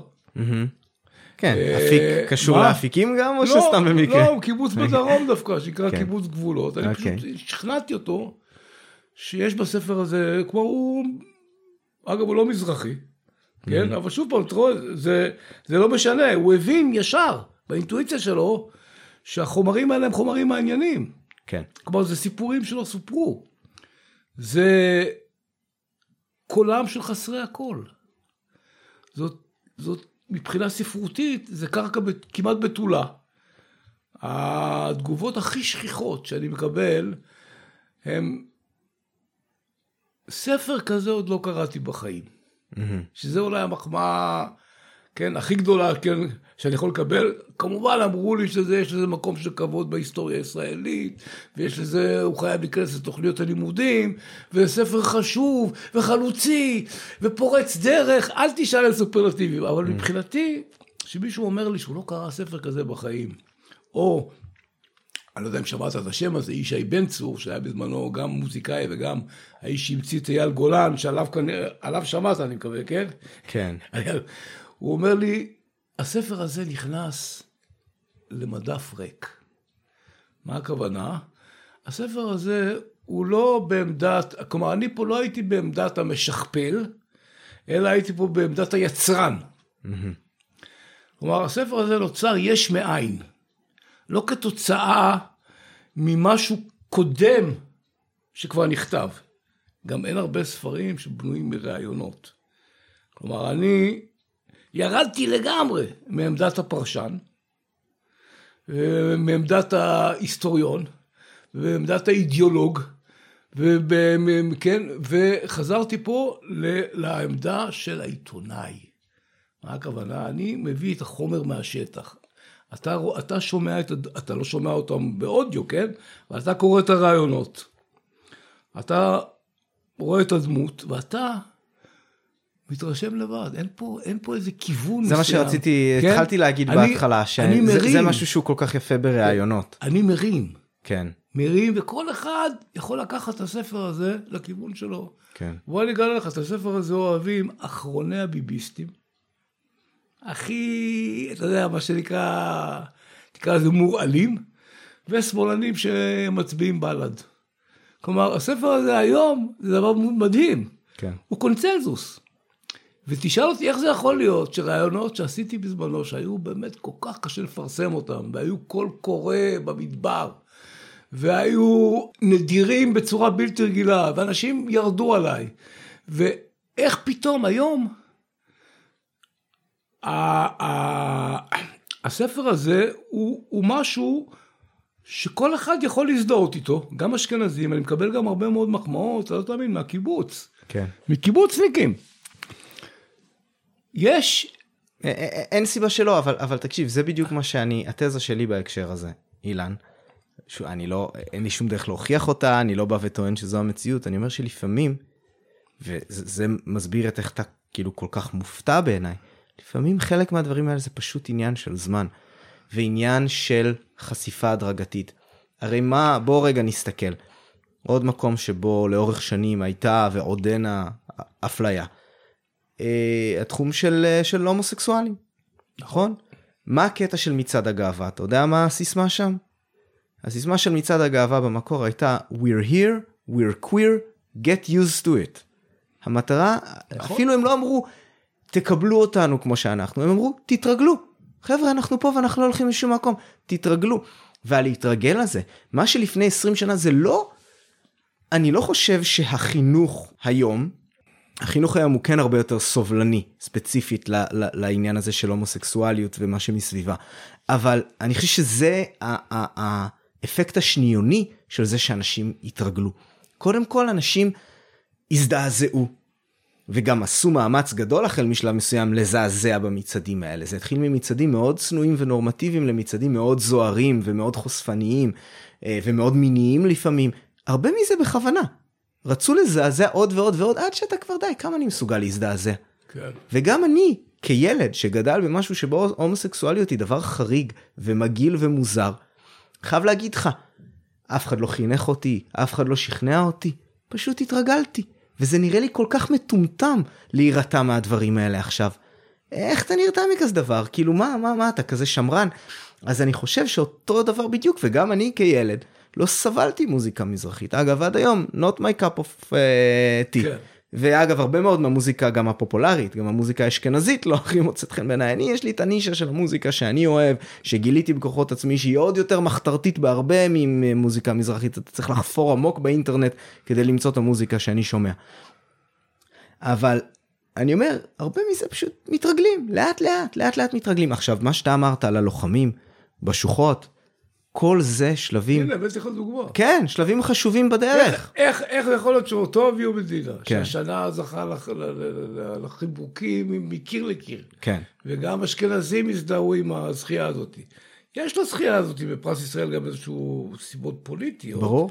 אבל אין ספק שזה חותמת כשרות נכון. סופית, כמו שהספר הזה זכה לתמיכה זה של ניסיון גם במידה מסוימת לחפות בוא אני אגיד לך נכון, יכול להיות יש- שאם לא היה תיקון. שאם לא היה את כל ההיסטוריה הקשה הזאת והיו נכון. מתייחסים לאביהו מדינה כמו כל מועמד אחר בהקשר הזה אולי הוא לא היה זוכה. נכון, אתה מבין מה אני אומר? אני אומר שוב פעם, אני אומר שוב פעם שזה מראה לך, וזה גם חלק ממה שרציתי לדבר איתך, על הספר הזה, אני זוכר שלפני שהספר יצא, אז אחד מגיבורי הספר, קוראים לו פרופסור גבריאל בן שמחון, הוא עוד היה מרצה שלי בחוג לקולנוע, אוקיי. ב-84, הוא הוציא איזה עשרה ספרים, הוא כתב מחזות, אישיות, אוטוריטה.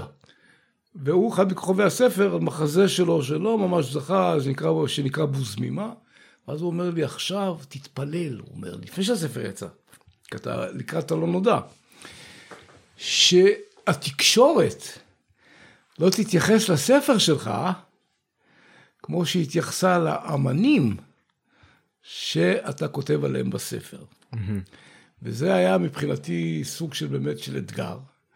אני הייתי בטוח שהספר הייתי שלם איתו, הייתה לי עורכת מדהימה, מקסימה, מוכשרת, מכוננת, בשם כרמית ספיר וייץ, שהיא גם הכתבת הספרות של מעריב, שם הכרתי אותה, שאני חייב לציין שהרעיון לספר היה שלה. ממנה, אוקיי. היה שלה.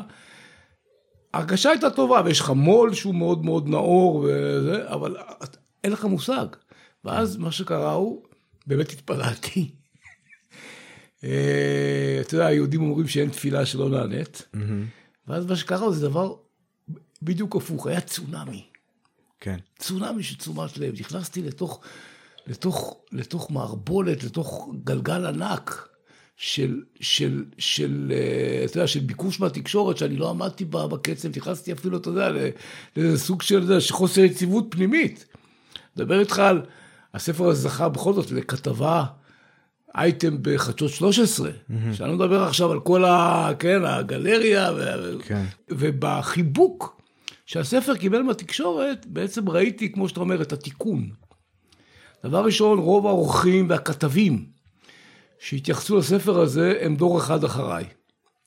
אז מבחינתם, אני פה לא קול קורא במדבר, ואני פה לא נציג המדוכאים, ואני פה לא איזה דון קישוט, אלא הסיפור מוכר. הוא כבר זכה לכתבות בטלוויזיה, לסדרות בטלוויזיה, לראיונות, הסיפור באיזשהו מקום מוכר. הספר פשוט ממסגר להם את הסיפור בצורה מסודרת. הוא לא, אין פה פרשנות, יש פה ראיונות, כמו שאתה אומר, ששרדו, ששרדו את מבחן הזמן, ובעצם מהווים עדויות, חיות. חלק מהדמויות עדיין חיות. כן. כן? אה, לדיכוי. לדיכוי שהיה פה.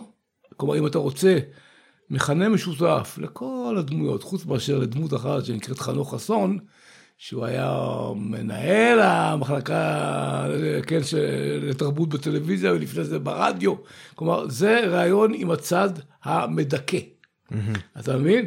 כלומר, כדי שאנשים שיקראו את הספר לא ישמעו רק בכי, אלא גם יקראו ראיון עם אדם שעמד בצד השני של המתרס, שגם איתו אגב עשיתי ראיון משלים. אתה מבין? והוא בעצם מתכחש לרוב הדברים שהוא אמר לי לפני, אתה יודע, 40 שנה קודם. כן. אני מראה לך שגם הוא עבר מהפכה, וגם הוא אומר לי, שמע, אילן, אבל אגב זה בדיוק ההבדל, זה לא מהפכה.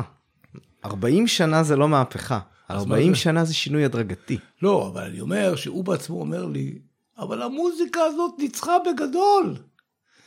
ואני שואל, מי היה האויב? כי אם אתה מנצח משהו, שב-40 שנה אחורה, 50 שנה אחורה, 70 שנה אחורה, היה תרבות של אנדרדוגס, כן. תחנה מרכזית, זמרי קסטות, זמרי חתונות.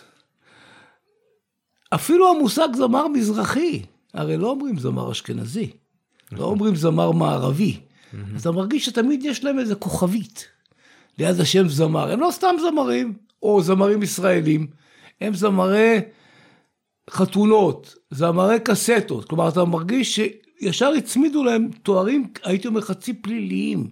כלומר, לכל אחד מהם יש כבר תיק פלילי, שנועד להקטין ולהנמיך ולשים אותו, כלומר, אני, אני, אני רגע, מחוץ אני רגע. אני חייב, אני אגב, חייב, אני גם- חייב לסייג, אני חייב לסייג. נגיד, ואתה היית קונה תיקיות הביתה, כדי לאחסן מסמכים. איך? תיקיות. אוקיי, היית קונה תיקיות הביתה. תמיד, תמיד, תמיד היית קונה תיקייה צהובה, אוקיי? והתיקיות הן צהובות, ואתה יודע מה? אפילו ממוספרות, 1, 2, 3, 4, 5. וכל פעם שהיית צריך איזה מסמך, היית כזה נגיד אומר לאשתך, תביא את התיקייה, תביא את התיקייה הזאת עם החמש, וזה. פתאום פעם אחת אתה מגיע לחנות, ואין שם תיקיות צהובות כמו שאתה רגיל, ואתה קונה תיקייה כחולה. איך אתה תקרא לה? בין כל התיקיות הצהובות שלך. אתה כנראה תגיד לאשתך, תביא לי את התיקייה הכחולה. למה לאחרות אתה לא קורא תיקייה צהובה? כי לא היה כחול, היה רק צהוב. אז שמת להם מספרים נגיד. אז אתה בעצם מאשר את מה שאני אומר. לא, אז אני אומר, במידה מסוימת אני מאשר. מצד שני אני אומר, לא קראו לזה אשכנזי, כמו שלמלחמת העולם הראשונה לא קראו למלחמת העולם הראשונה עד מלחמת העולם השנייה. קראו לה המלחמה הגדולה. לא הייתה מלחמת עולם נוספת שלפיה צריך להשוות. אבל כן, עד היום, בסדר? זה לא, לא יקראו למוזיקה מוזיקה אשכנזית כשהיא לא מגיעה מהמזרחי. אבל מה שאני אומר זה שכשמגיע משהו חדש, הגיוני שהוא יקבל את, ה, את השם, בסדר, כן? תשמע- אז, אז, אז אני אומר, זה לא בהכרח משהו שהוא גזעני, אלא עצם זה שמשהו הוא אחר, ומנסים למצוא איך לזה, אני, אני פשוט, אני בא, הטיעון שאני בא להגיד פה, טיעון, טיעון מסייג, הוא רק להגיד שחלק מהדברים פה, התשובה שלי היא, אוקיי, למה היית מצפה? מה היית מצפה שיתנהל אחרת? איך ניתן לקחת בני אדם שהם דבר פגום, אוקיי? דבר לא מושלם, דבר לא סובלני, כל ההיסטוריה שניתן לראות, אתה יודע, אירופאים מהגרים, אפרופו קולוניאליזם, מהגרים ל, ל, אה, אה, לאמריקות, אוקיי? ומה הם עושים לאינדיאנים. ובאים לאפריקה, ומה הם עושים לאפריקאים. איך אפשר לצפות שמשהו יתקיים אחרת? לכן אני בא ואני אומר, אני מקבל הר- הרבה ממה שאתה אומר, אני רק אומר שיכול להיות שמהסתכלות אחרת, ובזום אאוט, אפשר להגיד, וואלה, סיפור הצלחה. ואני צריך להגיד לך עוד משהו, שזה מניסיון, כי אני, אני לא שולף הרבה פעמים את הקלף העדתי, אבל אני חצי עיראקי, ולי יצא לשבת ולראיין את סבא שלי אה, פעם אחת. לא היה מזיק לעשות את זה שוב, הוא כבר מאוד מבוגר. על החוויה שלו בעלייה מעיראק, ואני חייב להגיד לך שאתה אומר שהביאו אותם כדי שיהיה כוח עבודה זול. ואני אומר, מה שאני שמעתי זה שהביאו אותם לאבטלה, ושהם קיוו שתהיה להם עבודה. ובדיוק להפך, היו יושבים לך שם אנשים ומתחננים לעבודה. נכון, אבל תן זה- לי לעבוד, נכון, תן לי להרוויח את נכון. לחמי, ואין עבודה. כל העבודה הולכת למי שמקושר בהסתדרות. נכון. אז הם היו אומרים, וואלה, תאמין לי, אם היה הרע מלא בעצם. מקומות עבודה, והיו מביאים אותנו ונותנים לנו יכולת להתפרנס בכבוד, היינו שמחים. אומרים, לא, הביאו אותנו סתם, היינו תקועים במעברה כל היום. והרבה אגב מהתרבות הזאת ומהדברים שקשורים למה שאתה קורא לזה תיק במשטרה ופשיעה וסמים, הרבה מזה נובע מאבטלה. כשיושבים לך אנשים ואין להם את התעסוקה הפרודקטיבית, לשם הם הולכים, וזו אשמת המדינה מהבחינה הזאת. אתה מבין? אגב, מה הם יעשו אם יש מדינה עכשיו שלא רוצה את האנשים האלה? צריך להעלות אותם מחשש לשלומם בהרבה מהמקרים, אוקיי? מביאים אותם, קודם להביא אותם, אחר כך נשאל שאלות. ולכן מעברות, לא היה זמן לבנות עדיין. ולכן אבטלה. אז אני רואה גם את הצד השני של הדבר הזה שבא להגיד, אם הם היו צריכים את הכוח עבודה הם לא היו מביאים כל כך הרבה אנשים, הם היו מביאים בפינצטה, ממלאים את מכסות העבודה ועוצרים. לא, אבל עובדה שהם לא הוזמנו. יהודי ארצות ערב, גם ההיסטוריון סיפר לי, הם לא הוזמנו, עד 48' הם לא הוזמנו להשתתף נכון. במפעל הציוני. נכון? עכשיו, אם היו מזמינים אותם, יכול להיות שהם היו באים בכיף. אני יכול נכון. היה לספר- טפטוף אגב, אני יכול לדעתי, לס- היו עליות לפני אני המדינה, יכול אבל לספר מעט. לך שבאפיקים, זה סיפור אמיתי, הגיעו, כשהקימו את הקיבוץ ב-32, סורים, מסוריה, מדמשק. כן. יש לי את השמות. אני אומר. היה טפטוף של עלייה, אבל ממש מעט. והם היו, הם באו מציונות, ציונות נטו. כן. כן. אולי לא ציונות נוסח, אה, כן, ארתור רופין או הרצל, כן, אה, אבל בפירוש ציונות. הם רצו להתקבל לאפיקים. והייתה שם איזה מישהי שאמרה שאם יקבלו אותם, אז יצטרכו לקבל גם ערבים. היה ליד אפיקים כפר ערבי שקראו לו סמך, כן. שהפך אחרי 48 לצמח. את צמח אתה מכיר. כן, והערבים שם היו אפילו עובדים כן. עם הקיבוץ בכל מיני עבודות, שנות ה-30 אנחנו מדברים, בזבל או משהו, וראו בהם ערבים לכל דבר. חד משמעית. לא יש. אפליה, יש גם אפליה מתועדת. שים- זה אגב בדיוק מוטי גיגי שים- שדיברנו עליו. שים לב לפואנטה זה- של הסיפור. כן. הם התעקשו, אני מתפלא עליהם, אני גם מכיר אותם, את הסורים, כן, את הסורים, יש לי את השמות הכל. בשביל מה הם התעקשו? הם ראו בזה, אתה יודע, אמרו, אה, הגאולה נקנית בייסורים וכל מיני כאלה, אתה יודע, מושגים כאלה רומנטיים. כן. ואז לא ידעו מה לעשות באפיקים, כי הם היו בסך הכל אנשים טובים. ואז הם נסעו לעין חרוד, היה שם האדמו"ר שלהם, קראו לו טבנקין. לא, את השם בטח שמעת, כן? שמעתי את השם. היה אחד מ... כן, הוא היה האדמו"ר של כל התנועה הציונית, הקיבוצית וזה. אמרו לו, תשמע, יש פה בעיה, יש לנו פה סורים, זוג אפילו, שתי זוגות, ואנחנו לא יודעים מה לעשות. כי בכל זאת, הם לא חלק מה... אתה יודע, מה... הקיבוץ זה רעיון אשכנזי, במהותו. כן. ואז הוא שאל אותם, רק שנייה, הם יהודים? ככה הוא שאל אותם. זה סיפור אמיתי, סיפר לי בן שלהם. כן, הגיוני, שאלה ואז הגיונית. אמרו לו, כן, הם יהודים. אז הוא אומר, אם ככה אין ברירה. צריך לקבל אותם.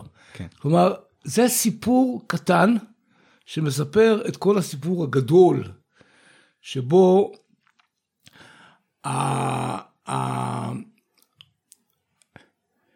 יהודי ארצות ערב, הם נולדו לתוך הציונות, אבל לא מתוך הרחם, אלא בהיריון מחוץ לרחם.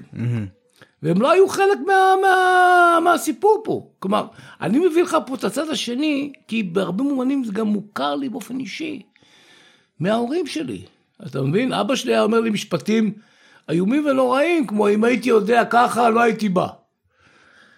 שזה היה גם משפט בערבית. הם ידעו, אנחנו לא יכולים לחזור. אתה מבין? משפטים של, של אדם שלא הצליח לעבור את המטמורפוזה הזאת של ההגירה, אלא, אלא חי בעבר, עד יום מותו. אתה מבין? זה נפילה לתוך תהום. אני, אני, אני מבין את זה, אני מבין את זה, אבל אני, אני באמת חייב להגיד ש, שאתה יודע, לי יצא להיות, אני חושב שבזמנו בפראג יצא לי להיתקל באנשים שהתגעגעו לקומוניזם, שאמרו היה טוב יותר אז. עכשיו אובייקטיבית, חד משמעית היה גרוע יותר. חד משמעית. כן. סבל ורעב וחוסר של חירות ורדיפה פוליטית, כל מיני כאלה דברים, ואנשים מתגעגעים. כי בעיקר אגב מה שהם זוכרים זה לא את, אה, את המצב הפוליטי, הם זוכרים את עצמם כצעירים, בעלי תקווה.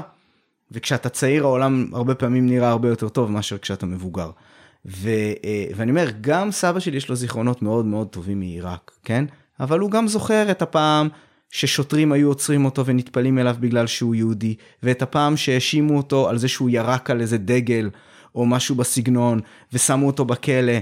ו- ואת הפעמים שכל פעם ששוטר היה עוצר אותו כיהודי הוא, הוא ידע כבר הם ידעו שהם חייבים לשחד שוטר עוצר אותך תפס אותך על איזה שטות או המציא משהו אתה משחד אותו והוא משחרר אותך כן את כל הדברים האלה הוא גם זוכר אז אני אומר זה העולם העולם העולם הוא קשה ובעיקר ליהודים שחיו בארצות ערב ופרקטית די גירשו אותם. הרי לא נשאר שם אף אחד. לא, מה שקרה הוא שהציונות ערערה הרבה משטרים בארצות ערב. נכון. וההתנכלות ליהודים הייתה בגלל הציונות. נכון. כלומר, מבחינתם, אני ה- מקבל את זה. הערבים פה בפלסטין, הם אחים שלהם בדיוק כמו שהיהודים בברית המועצות או בכל מקום אחר, הם אחים שלנו. כן. ככה אנחנו, ככה אנחנו טוענים, כן? ככה שכשאבא שלי אומר לי שהציונות הפכה את מצרים מארץ אוהב לארץ אויב, אני חושב שזה משפט ענק.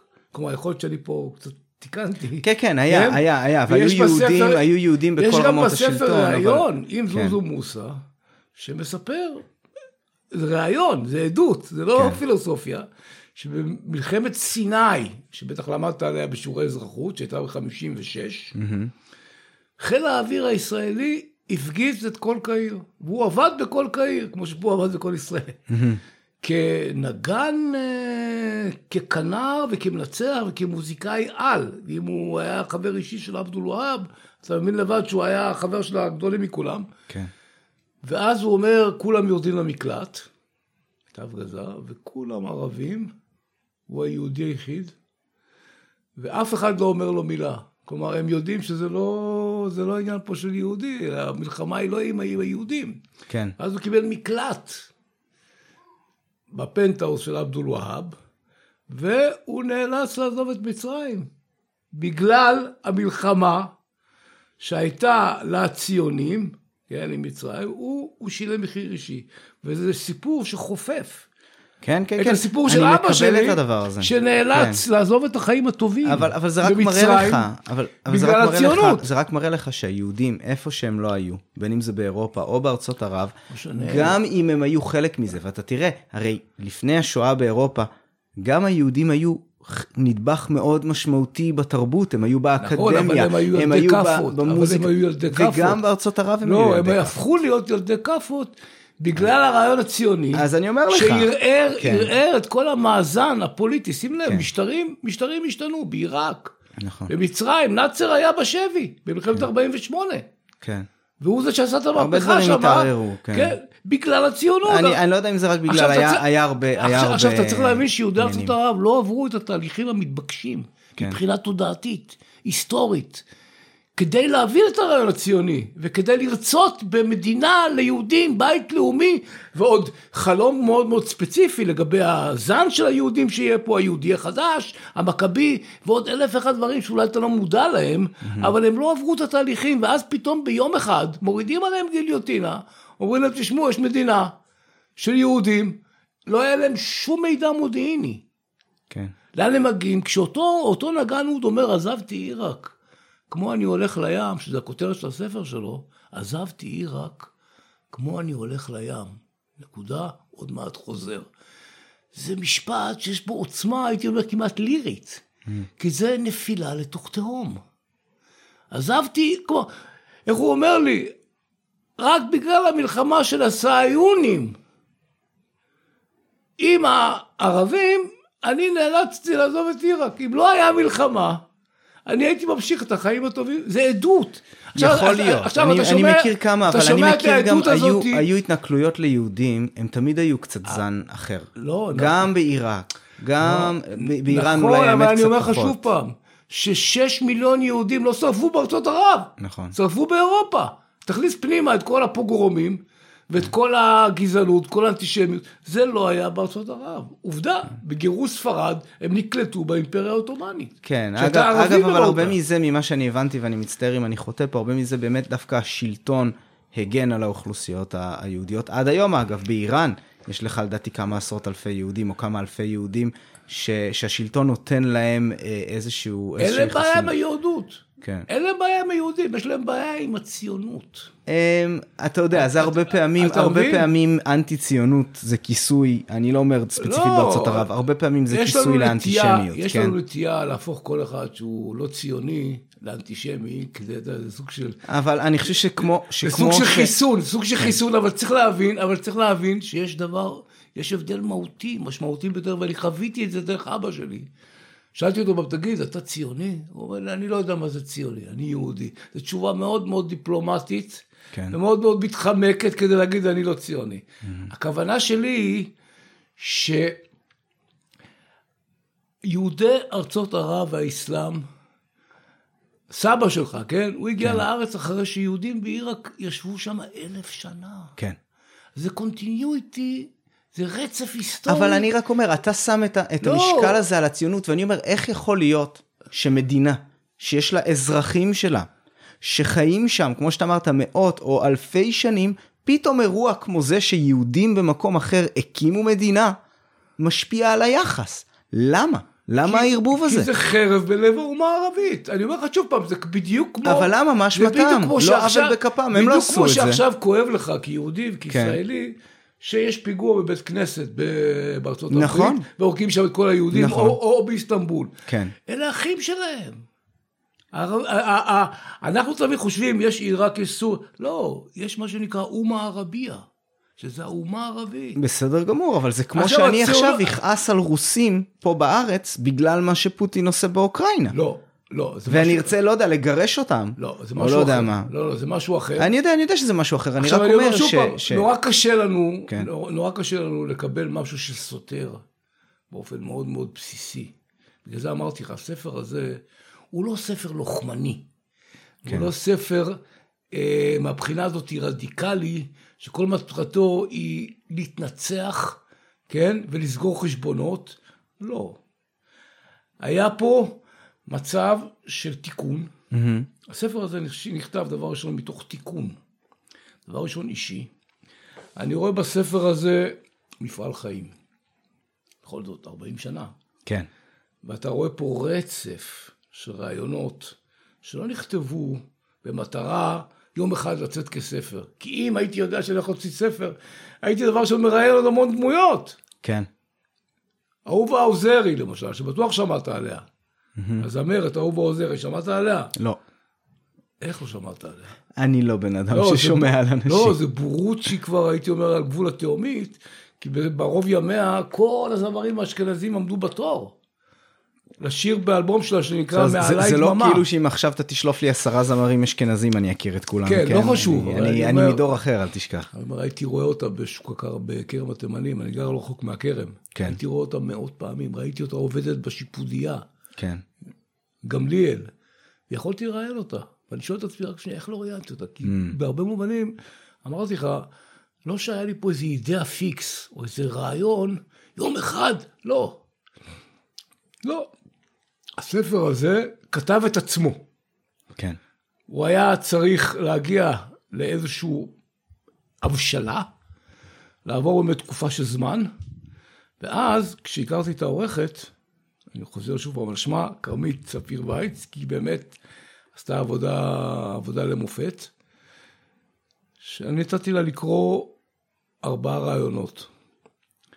זוזו מוסא, זוהר ארגוב, דוב דובדיה וזוהר אלפסיה, שראיתי בארבעת הרעיונות האלה יצירות, יצירות, יצירות אומנות אם תרצה להגיד, אם תרצה לקרוא לזה, ש- שעמדו איכשהו זקופות במבחן הזמן.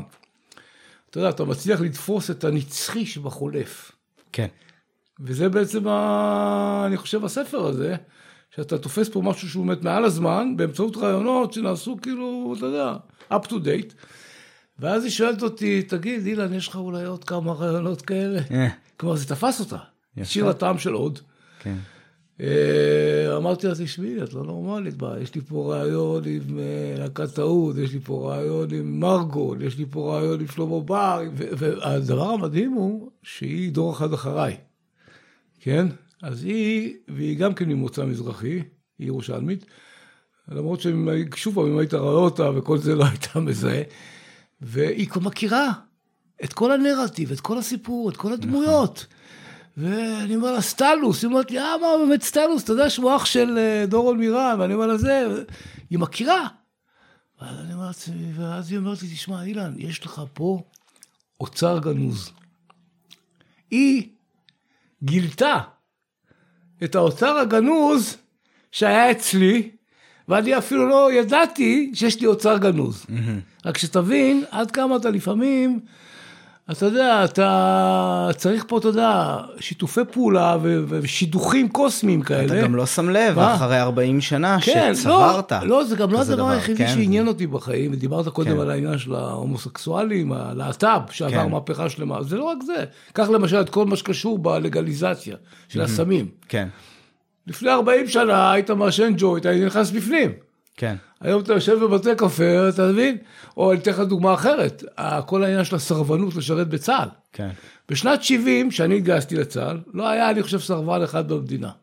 ככה שאפילו אני, אם היו לי מחשבות לא לשרת בצה"ל, לא היה לי בכלל, ועוד בקיבוץ, לא היה לי בכלל, אתה יודע, עם מי לדבר. כלומר, לא ידעתי בכלל שדבר כזה קיים, ונאלצתי באמת לה- להיטחן בתוך ה... אתה יודע, בתוך המטחנה הצבאית הזאת. היום 50 אחוז לא משרתים בצבא. לא כותבים על זה, לא מדברים על זה, מדי פעם מזכירים את זה בקטנה. גם לא היה מאוד קשה לקבל את המספרים האלה, במשך המון המון שנים לא חשפו נכון, אותם. אז אני אומר שוב פעם, הרבה דברים עברו שינוי, אבל שוב פעם, פה אנחנו מדברים באמת על, על, על, על קבוצות, כן?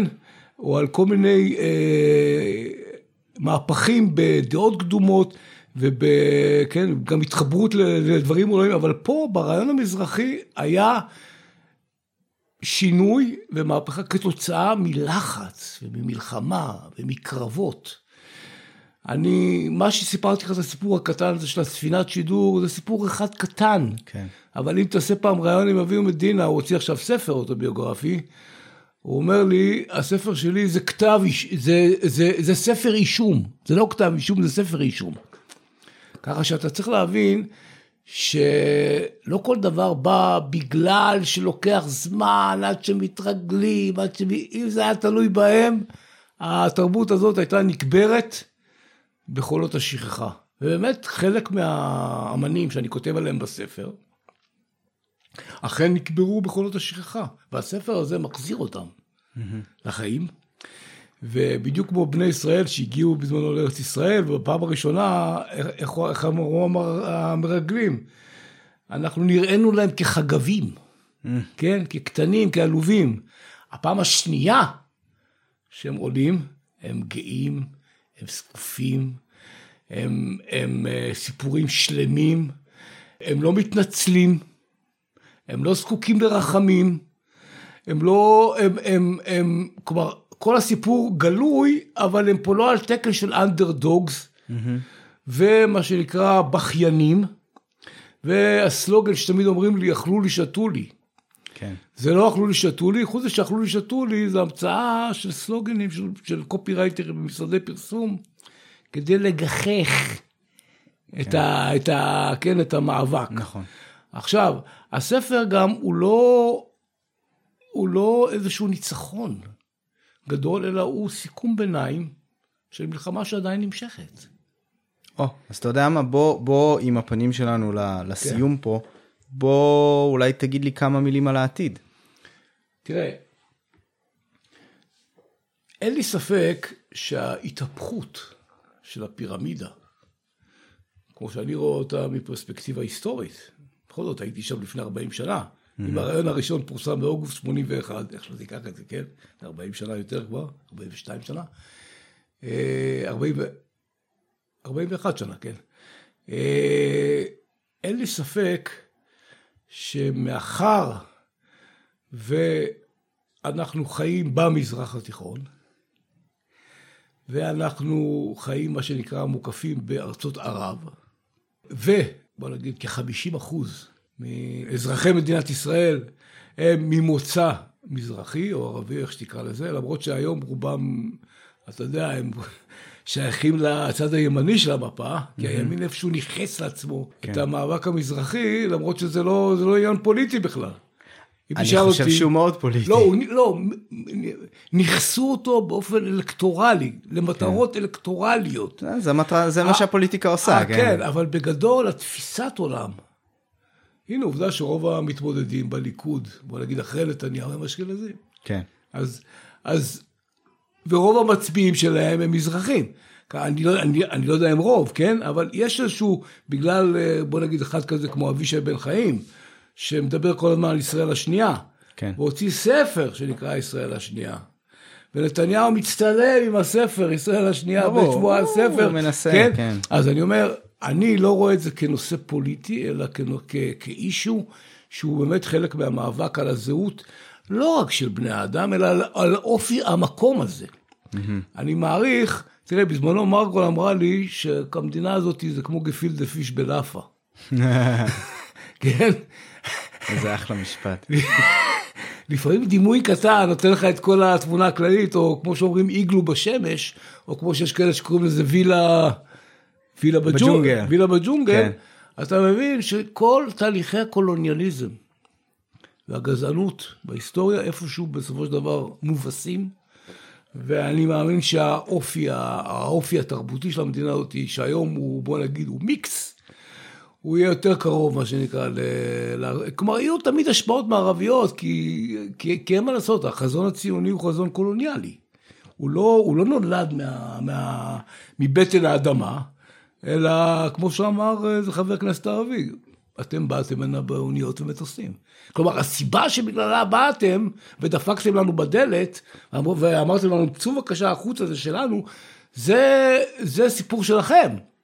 אבל אם היו עושים לך את אותו דבר, אני לא... אה, טוב, בסדר, יש לנו, יש לנו פה על מה לדבר. ניכנס כן, פה עכשיו זה כאן לא, לא לוויכוח הפוליטי, אבל אני אומר- זה היה ברשות הבריטים, כן, בוא נזכור את זה, לא, כן? הבריטים היו הקולוניאליסטים. בסדר, אבל הבריטים המציאו את הצהרת בלפור, שאני לא יודע אם היא הצהרת חוקית, כן, היא כן, היא הצהרה חוקית. בכל זאת, מה, איך אתה מחליט על פלסטין? אבל אני אומר, אני לא נכנס עכשיו... ל- שולט בה, כן, אני לא לא- נכנס, אבל אני חושב שאם אתה רוצה באמת להיכנס לעומק, לא כדאי להתעסק רק בקצף מעל המים, המוזיקה המזרחית, הגטאות, אה, כמות ההשמעות שלהם ברדיו. לא, צריך להיכנס לסיבות. לכל סיבה יש תוצאה, לכל סיבה יש לה מסובב. ככה שאמרתי לך שוב פעם במהלך הרעיון, שהרעיונות האלה היו בשבילי מראה, רפלקציה, קצה קרחון של מבנה חברתי שלם.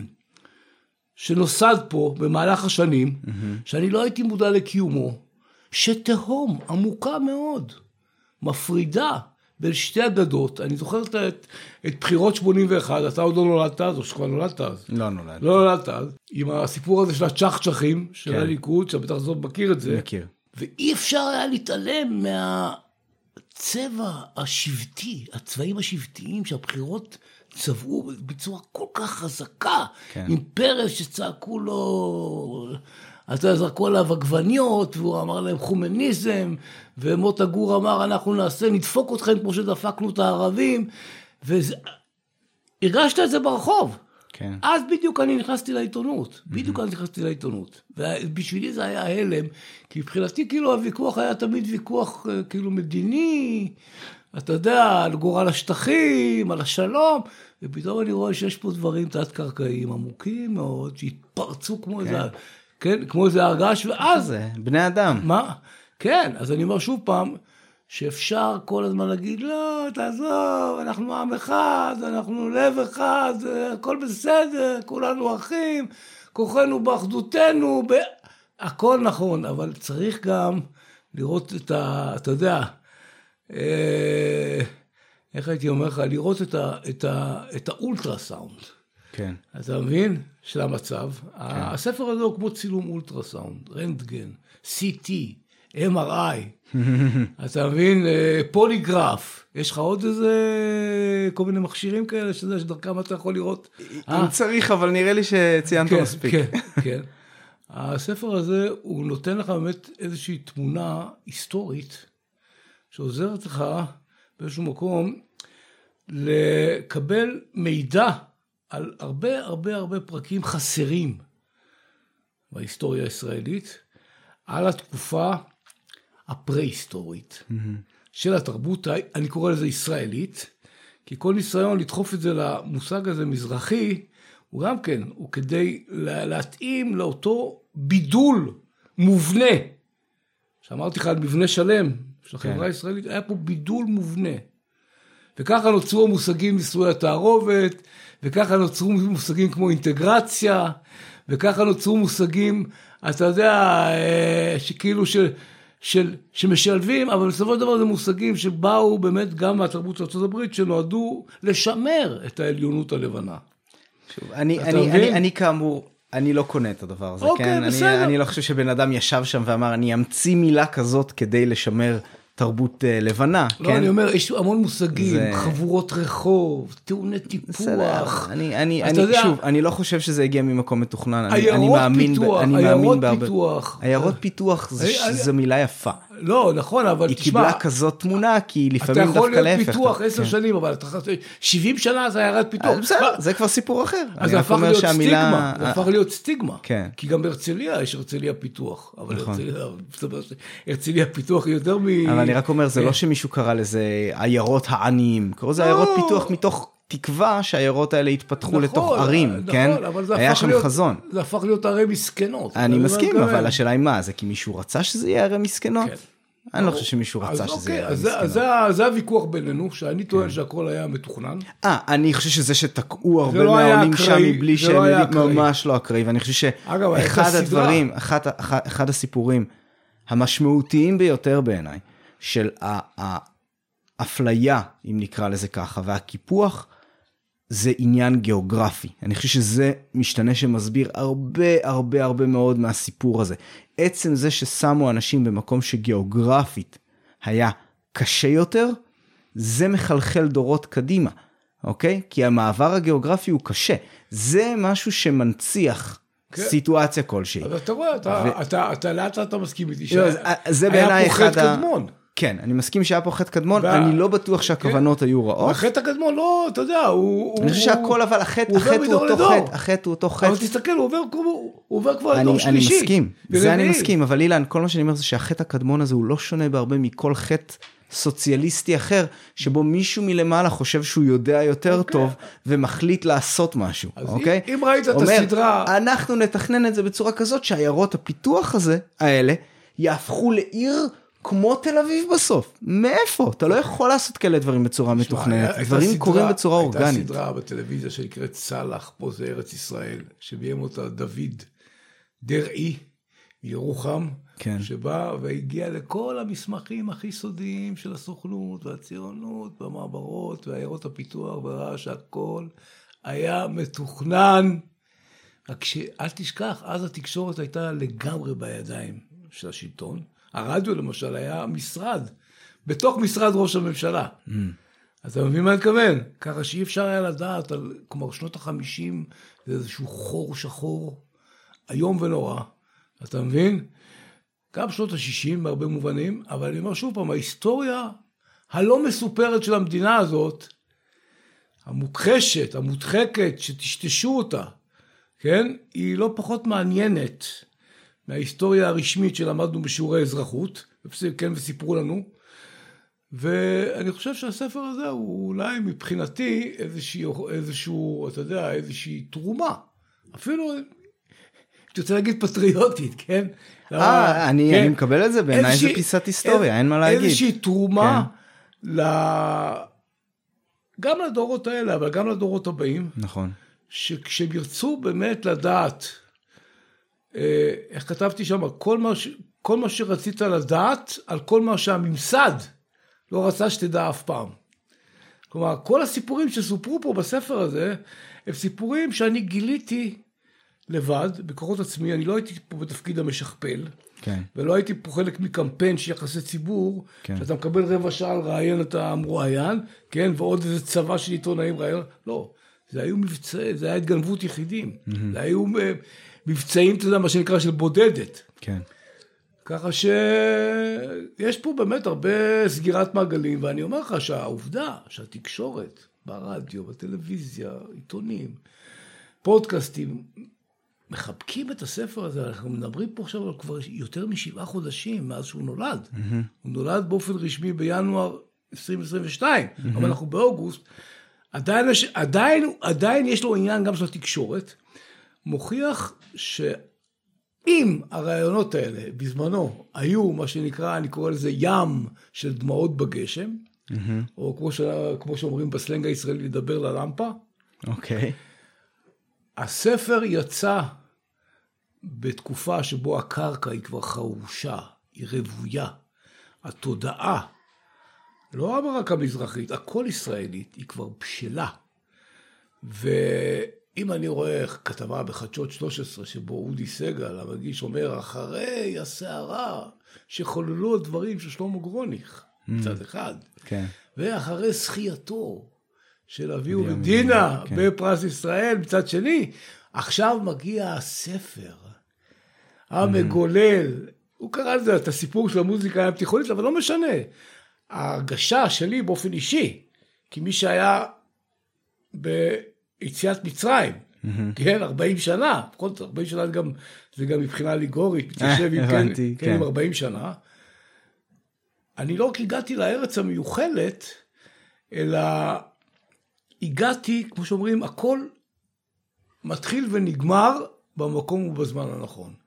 כלומר, אם הרעיונות האלה היו מה שנקרא שלח לחמך על פני המים, הספר הזה הוא כי ברוב הימים תמצאנו. מדהים. זה פסוק מקהלת. נהדר. אז המקורות. נראה לי, נראה לי שזה מקום מצוין כן. לעצור ב- ב- ב- במילים אלו.